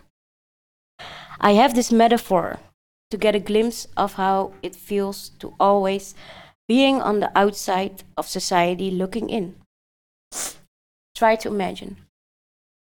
Maybe close your eyes. Ready? Remember where, when you were about to go to the amusement park with your friends?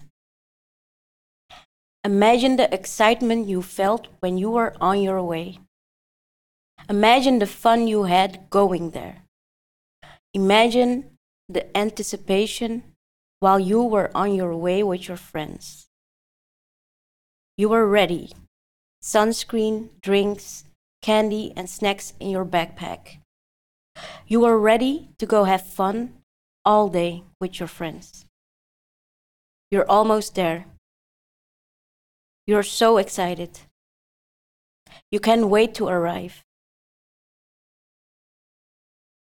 And then you arrive. Imagine walking towards the park. You hear the music. You feel your heart beating faster. You smell the sweet scent of cotton candy and you can't wait to buy some. You are going towards the gates of the amusement park. Can you envision it? You are finally here. And then you get stuck. You are not able to get in because you didn't fit through the gates.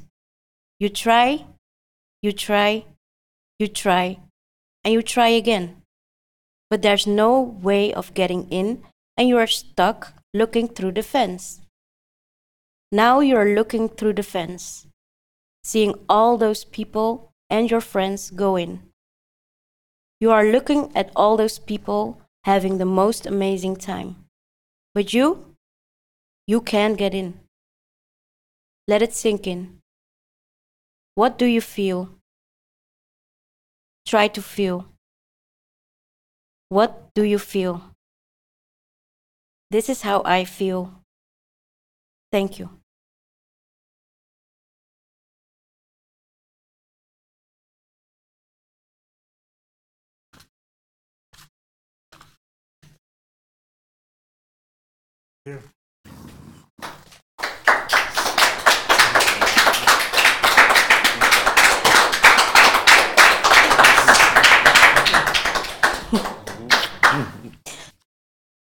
Wow. If I, if I can ask, what were your initial thoughts about um, sharing about your life here today and, uh, at this venue, at this place, in the context of the architecture of sex? Um, was it a very disturbing confrontation, or did it feel inviting, or how how how did you feel about that, or think about that? Um, first of all, I am really happy to have uh, gotten this opportunity to explore this subject for me more, because as um, in my in, in the first part of my um, talk, I referenced to that I couldn't remember um, when I ever talked about this subject. So, in the bigger picture, in the emi- e- emancipation of disabled people in this society, we're still at the stage of proving our humanity. So I'm really happy to like explore this. To be honest, I don't know if this gives uh, answer to your question, but and I already knew I would cry. So this is kind of I don't know healing, I guess. So yeah, it, I cannot. Um, this is just the phase we're in. We're still just here.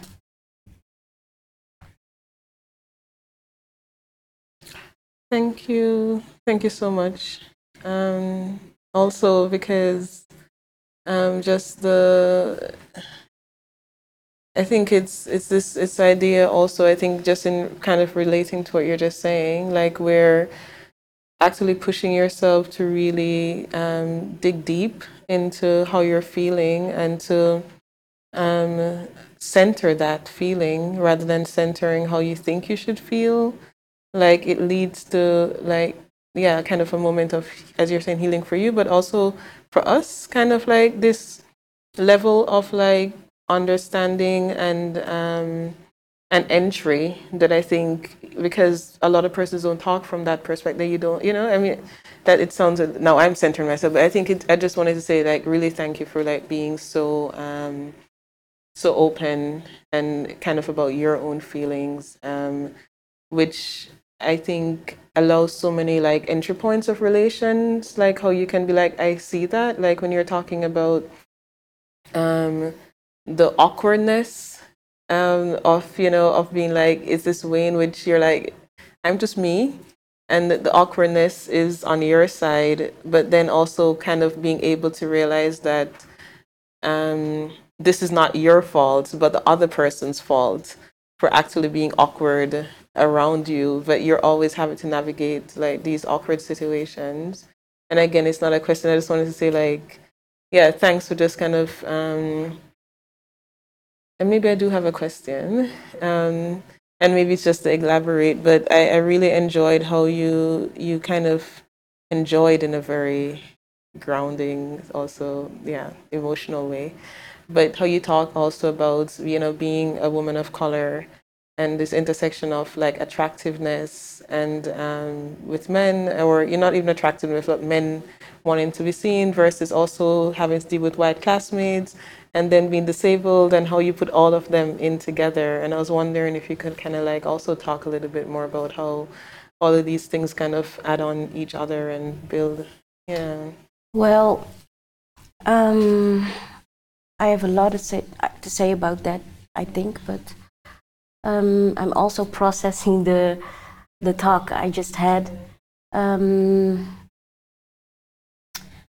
when I said I wasn't really aware of the socio uh, uh, um, economic and also the uh, racial implications of uh, me being a disabled woman of color, um, I really didn't realize. I can now reflect back on my life and then see what was happening from memory. But fairly recently, like a few years ago, um, until I think uh, 2012, I really ignored big parts of my identity. So I didn't want to be disabled. I didn't want to be um, a woman of color. I really tried to like just participate in this society by getting all the material things I thought would help me in this world. But then I got to the point that I got all those material things, like an education, and um, I was living on my own. I had a car. So all those material things were said. I had a job. And then I still f- didn't feel happy. So that was the point where I was forced to really look into the acceptance of my uh, disabled part of my identity. So, with that, um, a lot of um, a lot of things have changed for me internally, but also uh, how I look at myself in the world. Because the thing was, I was um, I was ashamed of my disability because our society learns disabled people that there's something wrong with you when you have a disability. So I really internalized all those negative um, ideas and stereotypes about myself. Um, and then, because in this world we also look at disabled people from a medical perspective, like we see a disabled people and uh, we want to fix them. So that was in my head a lot. And then I changed the whole view I had on um, looking at someone with a disability through a social perspective. And that social perspective was a big load off my shoulders because the social perspective learns us that the problem is not within the disability of that person, but in society. The society isn't accessible for disabled people to participate. And that's where we need to fix stuff, not with the disability. And when I realized that, that switch in my head, that was a big, um, big moment and uh, brought a, a big weight off my shoulders. And then later on, the implications of me being a woman of color came along. The, the, the um, uh, awareness of what that meant for me in this society. So it's still still in progress, I guess.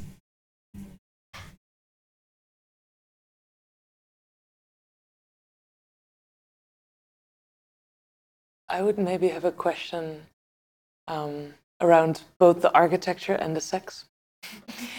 so, two questions. Um, first of all, thank you so much. Um, as Tracian was saying, right, your your skill of putting us in our bodies, whichever body you might be in at this moment, uh, was quite extraordinary as a narrator. so thank you for that. But also on a personal level, I was immediately thrown back to uh, a few years in my life that I used a wheelchair. Funnily enough, um, also going to a theme park. The one time that I went to Disney World was when I was using a wheelchair. And I remember it so well, not just because there's many pictures of um, me in Disney World, but also because um, for each ride, they would let me go first. So basically, I could skip the line, although I had to prove that I could walk a few steps in case there was like an emergency, the ride would get stuck, for example. So, first of all, you had a line of people watching you walk, and there was so much, speaking of the walk of shame, there was so much feeling around that where you could feel people looking at you like, oh, this person can go first, but they can walk. So, what, you know, like this sort of feeling. Um, but that's that's just me sharing that personal memory. But also, it made me think a lot about this question of accommodation, like that you can go first. It's nice if you're in a rush, but also thinking back about your uh, talk in terms of time and also what you said, Benjamin, about efficiency.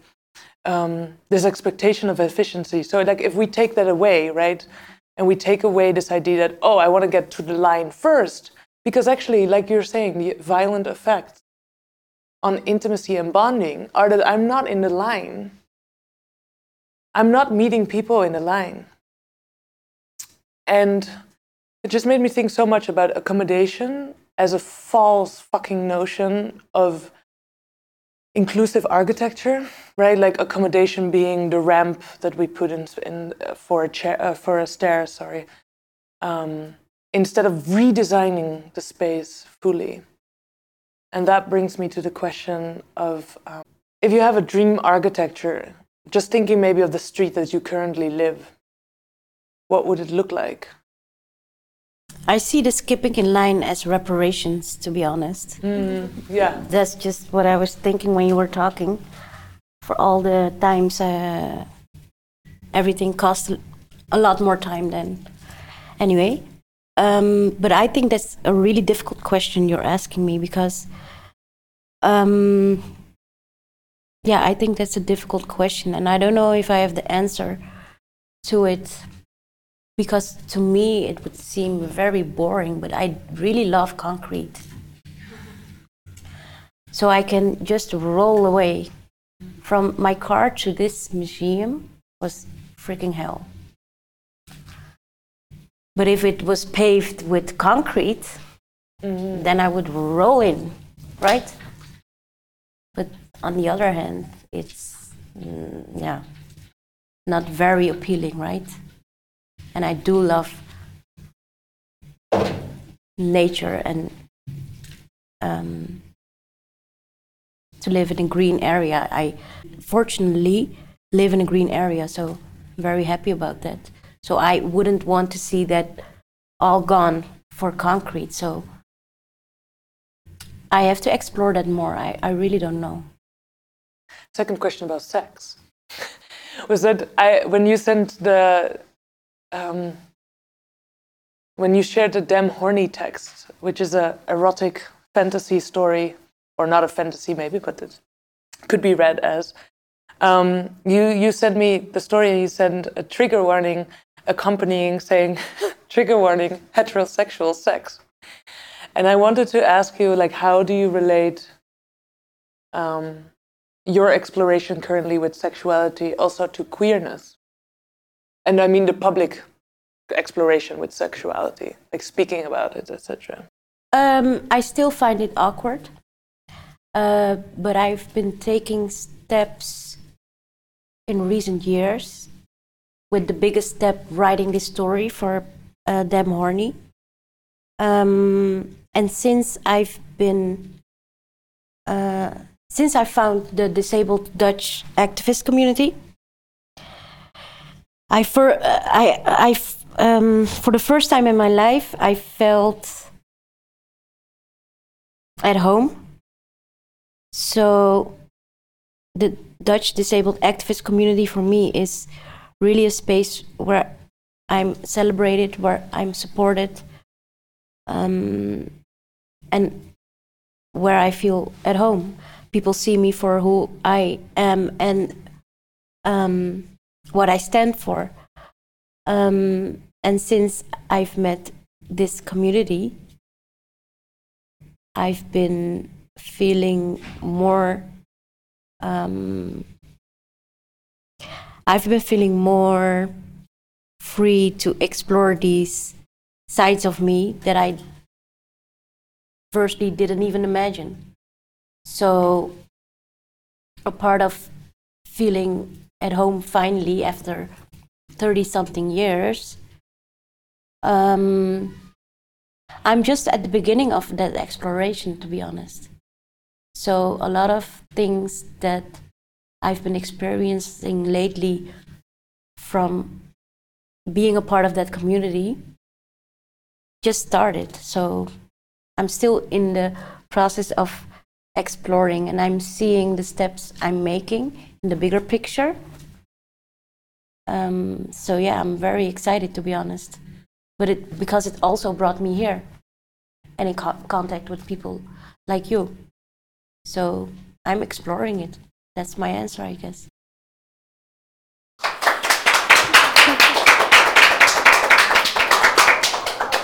You give me joy and happiness. Thank you.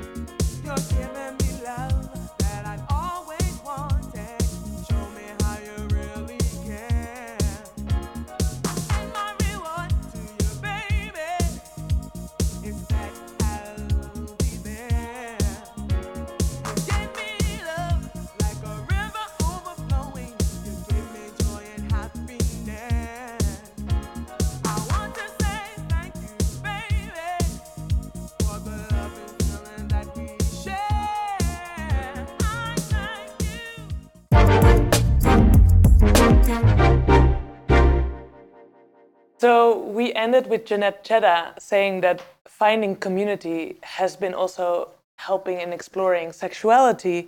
And uh, speaking about community, we're now going to talk about family abolition. Um, with each speaker, I say how I first met them. I have never met Sophie Lewis, unfortunately, but I did encounter Sophie Lewis's work um, through actually the work of Kim TallBear, an indigenous scholar uh, working on science and technology and also working on decolonial sexualities. And Kim TallBear and I have been corresponding since the start of COVID, actually, thinking about like what how do sexual how could sexualities but also of course kin look different especially with this moment where we're locked inside the house um, or we're presumably locked inside the house and this is something that uh, sophie lewis has been writing about a lot and her book i have it here full surrogacy now it's really amazing. Um, I could definitely recommend it. Speaking about um, care communism, but also they, um, they, they, they post this idea of where the end of capitalism is maybe difficult to imagine, but it might be even more difficult to imagine the end of the family. Yay!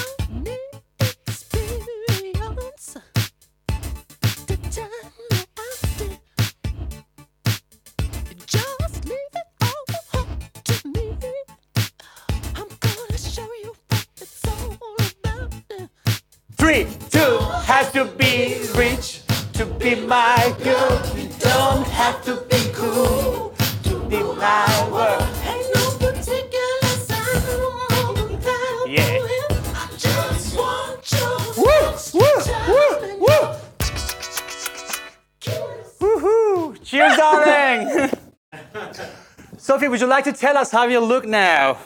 Describe. how I look. Hmm. Uh, yeah, I'm a sort of slightly femme of center, ginger, non-binary person wearing a very, very old synthetic flowered red and black and white dress that I've owned since I was 10 years old. and uh, I'm sitting on my couch. Uh, and the lighting is kind of, I realize, a bit strange. Even though it's day, I have this other light. I have shadows projecting onto the wall as I move my hand. I love the shadows. Play to the description. Thank you. ah, greetings, uh, friends, comrades. Uh, yeah, it's a rainy morning in the aftermath of a dramatic thunderstorm uh, on the unceded territory of the Lenni Lenape people, known as Philadelphia, on Turtle Island, North America. And I'm so grateful uh, to Simone for including me and supporting my small contribution to this program. I'm grateful to Rowan and all of you. Uh, I'm excited to meet Kubra in particular, whose playlist I really enjoyed and whose Gezi Park uh, fabulations I found so inspiring. Um, I'm yeah envious of those of you who get to be part of this in person, including in this space, these cutely lit catacombs. Um, early on in the pandemic, um, I actually had this exciting and then tragically cancelled appointment to travel to the Pompidou Center in Paris to talk to Paul Preciado um, about topics like this, about including um, linking it to the contemporary politics of abortion and gestational labor, my concept of amniotechnics.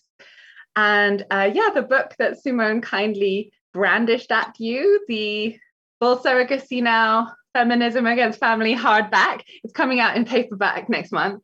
And so this Preciado inspired symposium today is perhaps, uh, in my mind, part of the end of the postponement of that conversation from last year. So much of my thinking um, over the past five years has had to do with the way the waged commercial gestational workplace has been constructed as distinct from, and in fact, invisibilizing of the unwaged gestational workplace, also known as the home. Um, and it has, um, as I sort of freely reflect in some of my more recent essays, definitely been shaped by my own traumatic experience uh, of the private nuclear household. And as I learned even more recently, actually of, of birthing labor as the gestatee rather than gestator. My mother uh, died in November 2019 and uh, left behind this typewritten account of what it was like to actually birth me at the age of 41. And we both nearly died. Um, like many refugees from the private nuclear household, uh, I'm queer and non monogamous and a survivor, and also more than capable of seeing that my experience is not universal. And there are many so called biological families in which liberatory care and love do, in fact, flourish. Um, and the point of you know me and my comrades critique of the family is is a particularist universalism or universalism from below that targets simply the organized scarcity that is the private nuclear household it's not about asserting that xenofamiliality right or queer kinship is somehow always superior to bio familiarly conceptualized bonds.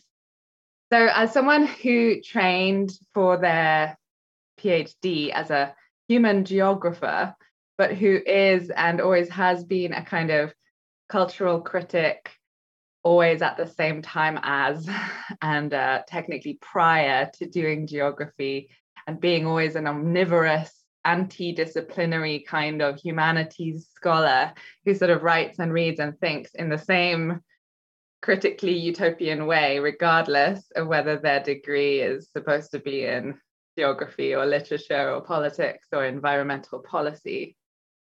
I'm sort of formally untrained in architectural matters, but really fascinated by the question of architecture. And for example, really enamored of semi forgotten urban planning projects like Dolores Hayden's quote unquote feminist city, for example, um, and Hayden's context more generally of a whole ecology of 70s women's and gay and children's liberationists who suggested, for instance, not only that children should belong to no one but themselves, to quote the US based Sisterhood of Black Single Mothers, um, but that no single dwelling should have a kitchen because cooking should never be private. I realize actually that, you know, the disembodied, dislocated uh, place of Zoom is a strange kind of uh, place to be talking about this. The, the, the kinds of histories of family abolitionism that are so unfamiliar in the US may, in fact, be more familiar to people um, in Amsterdam, you know, which has a much more recent history of uh, utopian communes and squatting and so on. Uh, I can't, I don't know how to gauge that. So uh, you will tell me. But yeah, so Dolores Hayden is one of my reference points and her feminist city blueprints. But going much, much further back in time, 9,000 years, in fact, um, I'm curious, for example, about uh, Çatalhöyük, uh, which was a very large Neolithic and Chalcolithic proto city settlement in central Anatolia.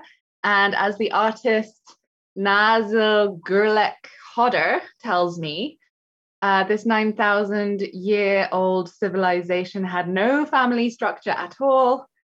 Uh, all of the children and the adult members of the society formed households in a mixed manner, independent of genetic affiliation.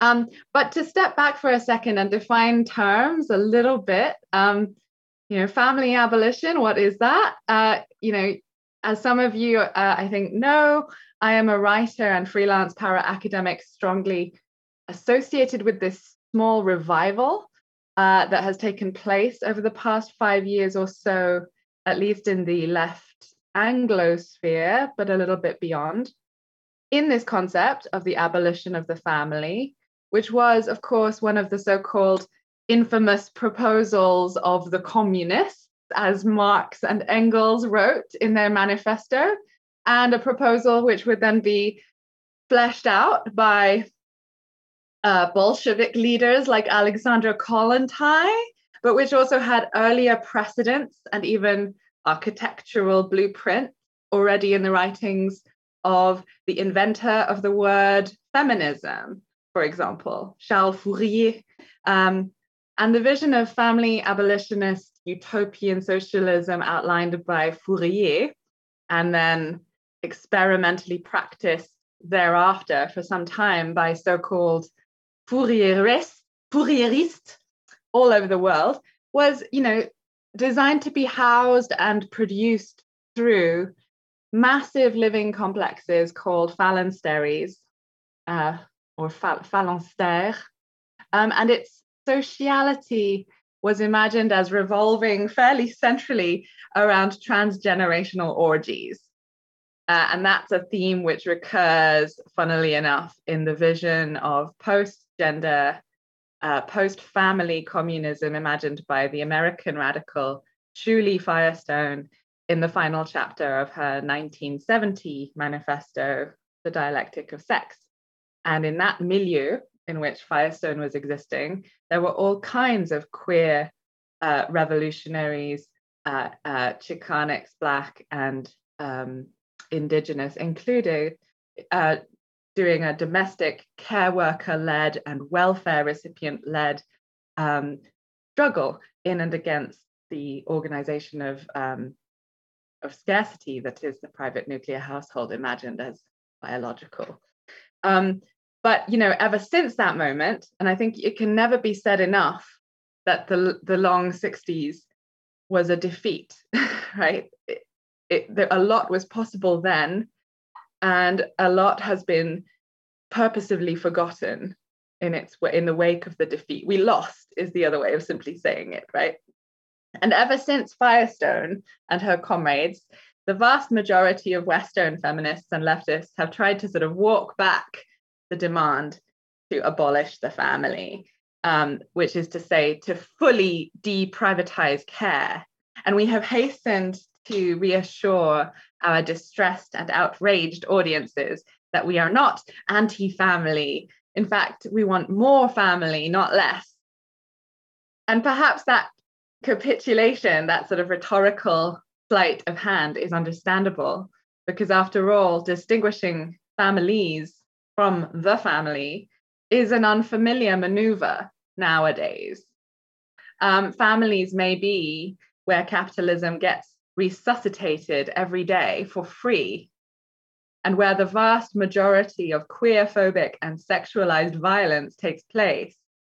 But they are also often the only protections against racism and alienation and the police that many people have. To criticize the family in the contemporary um, political landscape is to be understood as nihilistically anti relational at best and at worst uh, anti black, presumably because, you know, non-white groups and black uh, populations in general are, are sort of supposedly more dedicated to or dependent upon family than white. And it's true that the regulatory fantasy of the nuclear family is upheld zealously even religiously as a cultural value by almost every existing group uh, and certain indigenous people are a notable exception to this but that doesn't mean that the family is not structurally implicated in ethnic and class hierarchies.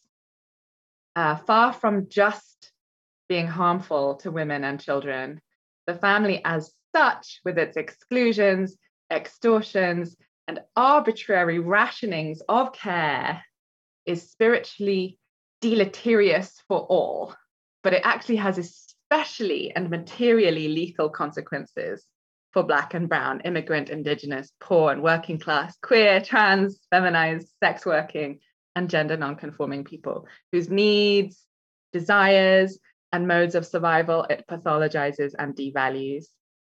So, as I see it, the privatization of care into the family household, like the state imposed norms of the couple form and the biogenetic model for registering rights and responsibilities over children has to be seen as um, a continuation of the older eugenic project of advancing whiteness and producing a well ordered, productive labor force. And understanding this might help us see through the false universalism of family values, where, for example, the American state purports to stand for keeping families together which is a flawed principle in itself, especially for queer youth whose biological kin often want to kill them, but then tortures and rips apart the non white family at the border. With the coronavirus lockdown, it is my hope that the realities of the human body's interconnectedness and private property's deathliness became inescapable for new tranches of humanity. Doctors in the before time were already known on occasion to prescribe food, money, companionship, abuse free shelter, or a holiday from housewifehood to their patients. In 2020, however, the concepts of reproductive justice, family inequality, compulsory domesticity, and the quote unquote right to the city took on even more force as officials instructed populations to maintain social distancing from everyone except family and to quote unquote shelter in place. In whose place? Your families. Abusers everywhere have been battering and molesting their partners and young relatives in the privacy of their properties with increased impunity, since it has been more difficult than ever, physically and financially, to flee a home. As with AIDS in the 1980s, the itinerant houseless, the sexually deviant, notably today the figure of the transgender child, and the unconventionally housed are once again the object of public suspicion. Meanwhile, a huge proportion of households in the United States and elsewhere are either crowded or under-inhabited, even empty. The pathways of love and care labor, paid and unpaid, running between these two houses, were they to be diagrammed, would resemble an impenetrable web with urban movement so constrained, the already desperately limited legal frameworks of marital union and biogenetic next of kin, which are used to gatekeep hospital visits and triage the dead to determine custody, calculate life insurance, and allocate inheritance, started to really strain at the seams. Judging simply by the kinds of emails I got from magazine editors whose tone toward family abolition changed significantly, people could now appreciate more keenly that there is no justice in those rules which keep chosen kin from seeing one another, treat children like property, and shore up wealth or poverty within a class. Which is not to say there is a quick fix. What we can semi confidently observe is that the interruption of global supply chains in the care and service economies has been rubbing the classed and racialized character of capitalism's division of reproductive labor in the global bourgeoisie's unwilling face. What to do? For family abolition, for gender liberation, capitalism must fall. Collective pleasure will not, unfortunately, make it fall alone. But collective pleasure is a component of revolutionary practice that much of the contemporary left, such as it still exists, tattered and weak, in the US, at least, really dismisses and overlooks, arguably even more so than it did in the past. And that's part of why I'm so glad to see the Amsterdam Museum hosting this symposium on the architecture of sex. In 1987, the gay revolutionary Douglas Crimp published the essay How to Have Promiscuity in an Epidemic. The epidemic in question being, of course, not COVID, but another spikily haloed virus, HIV. And that essay expresses the, the wisdom, epidemiological expertise, and hard fought shamelessness of the countless militant lesbians and gays who refused to be blackmailed by the state into monogamy, into abstinence, or a work ethic, and who invented safe sex as the bedrock of their promiscuous culture long before AIDS. And following Crimp, it is my view that one of the many crimes of capitalism's terra formers, besides incubating coronaviruses by destroying biodiversity, is their theft of untold proletarian sex hours via the imposition of work and the concomitant disappearance from history of gigawatts of cumulative erotic bliss. The denial of pleasure to populations is a grave historic harm, and the denial by some leftists of the centrality of pleasure to liberation struggles is a correspondingly serious error. If any one group in America possesses an established practice of informal contact tracing, for STI exposure, for example, it is, of course, promiscuous, self respecting queers for whom sex and the erotic are inextricable aspects of how they relate to the world. In my essay Collective Turnoff, published at Mal Journal, I concluded on a utopian note. Fighting against the policing and regulation of what Jordi Rosenberg calls our constitutive porosity means figuring out how we will manifest architecturally and ecologically biomes conducive to bathing aimlessly and celebrating our collective permeability and care neediness on a mass scale. Speaking optimistically, the vapor containing techniques of masking up and keeping a six foot distance from one another's bodies might paradoxically prove to have been wonderful popular primers, not only in solidarity and epidemiological consciousness, but also, therefore, in tenderness. And as we abolish the capitalist logic of work and of obligatory enjoyment. We will instantiate the conditions of possibility for collective eros and collective living.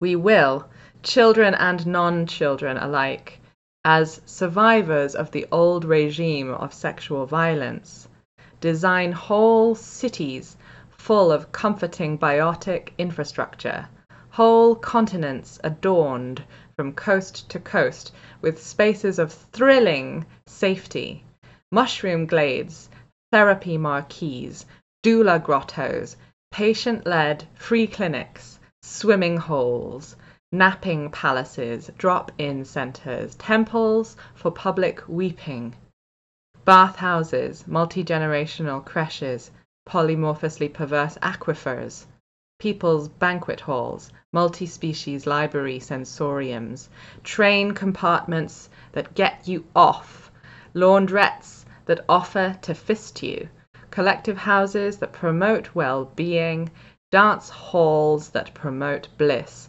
massage coliseums, and pleasure pavilions.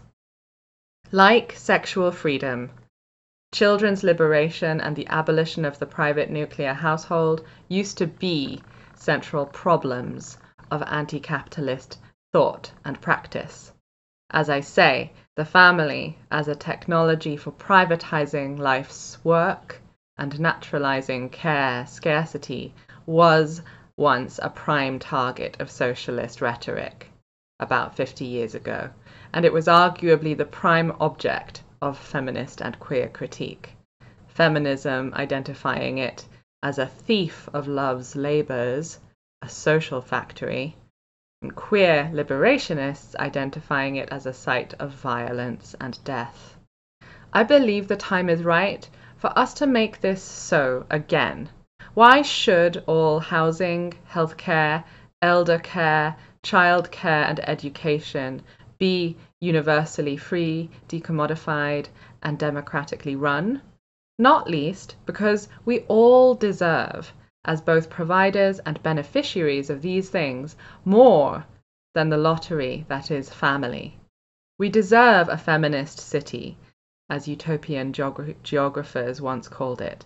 We deserve an end to birth certificates, surnames, inheritance, private insurance, and all privileges afforded by legal marriage. These are some of the ideas that could help our racially and class stratified societies transform into comradely ones, such that they no longer need nor even understand the bizarre premise of the family. Thank you. Thank you so much, Sophie Lewis. Um, thank you so much, Amsterdam Museum, Rowan and Esme and Emma. Thank you so much for all the work that goes in behind the scenes, as well as the crew. But of course, thank you so much to the lovely, lovely, lovely, lovely, lovely, lovely cast Tracian Meikle, Renee Boer.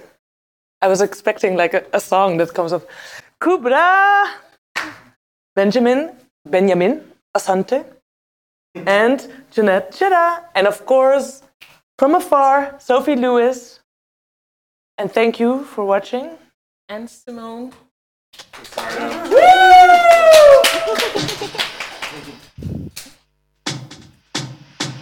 This is the song I did last year for Istanbul Pride with Mixer.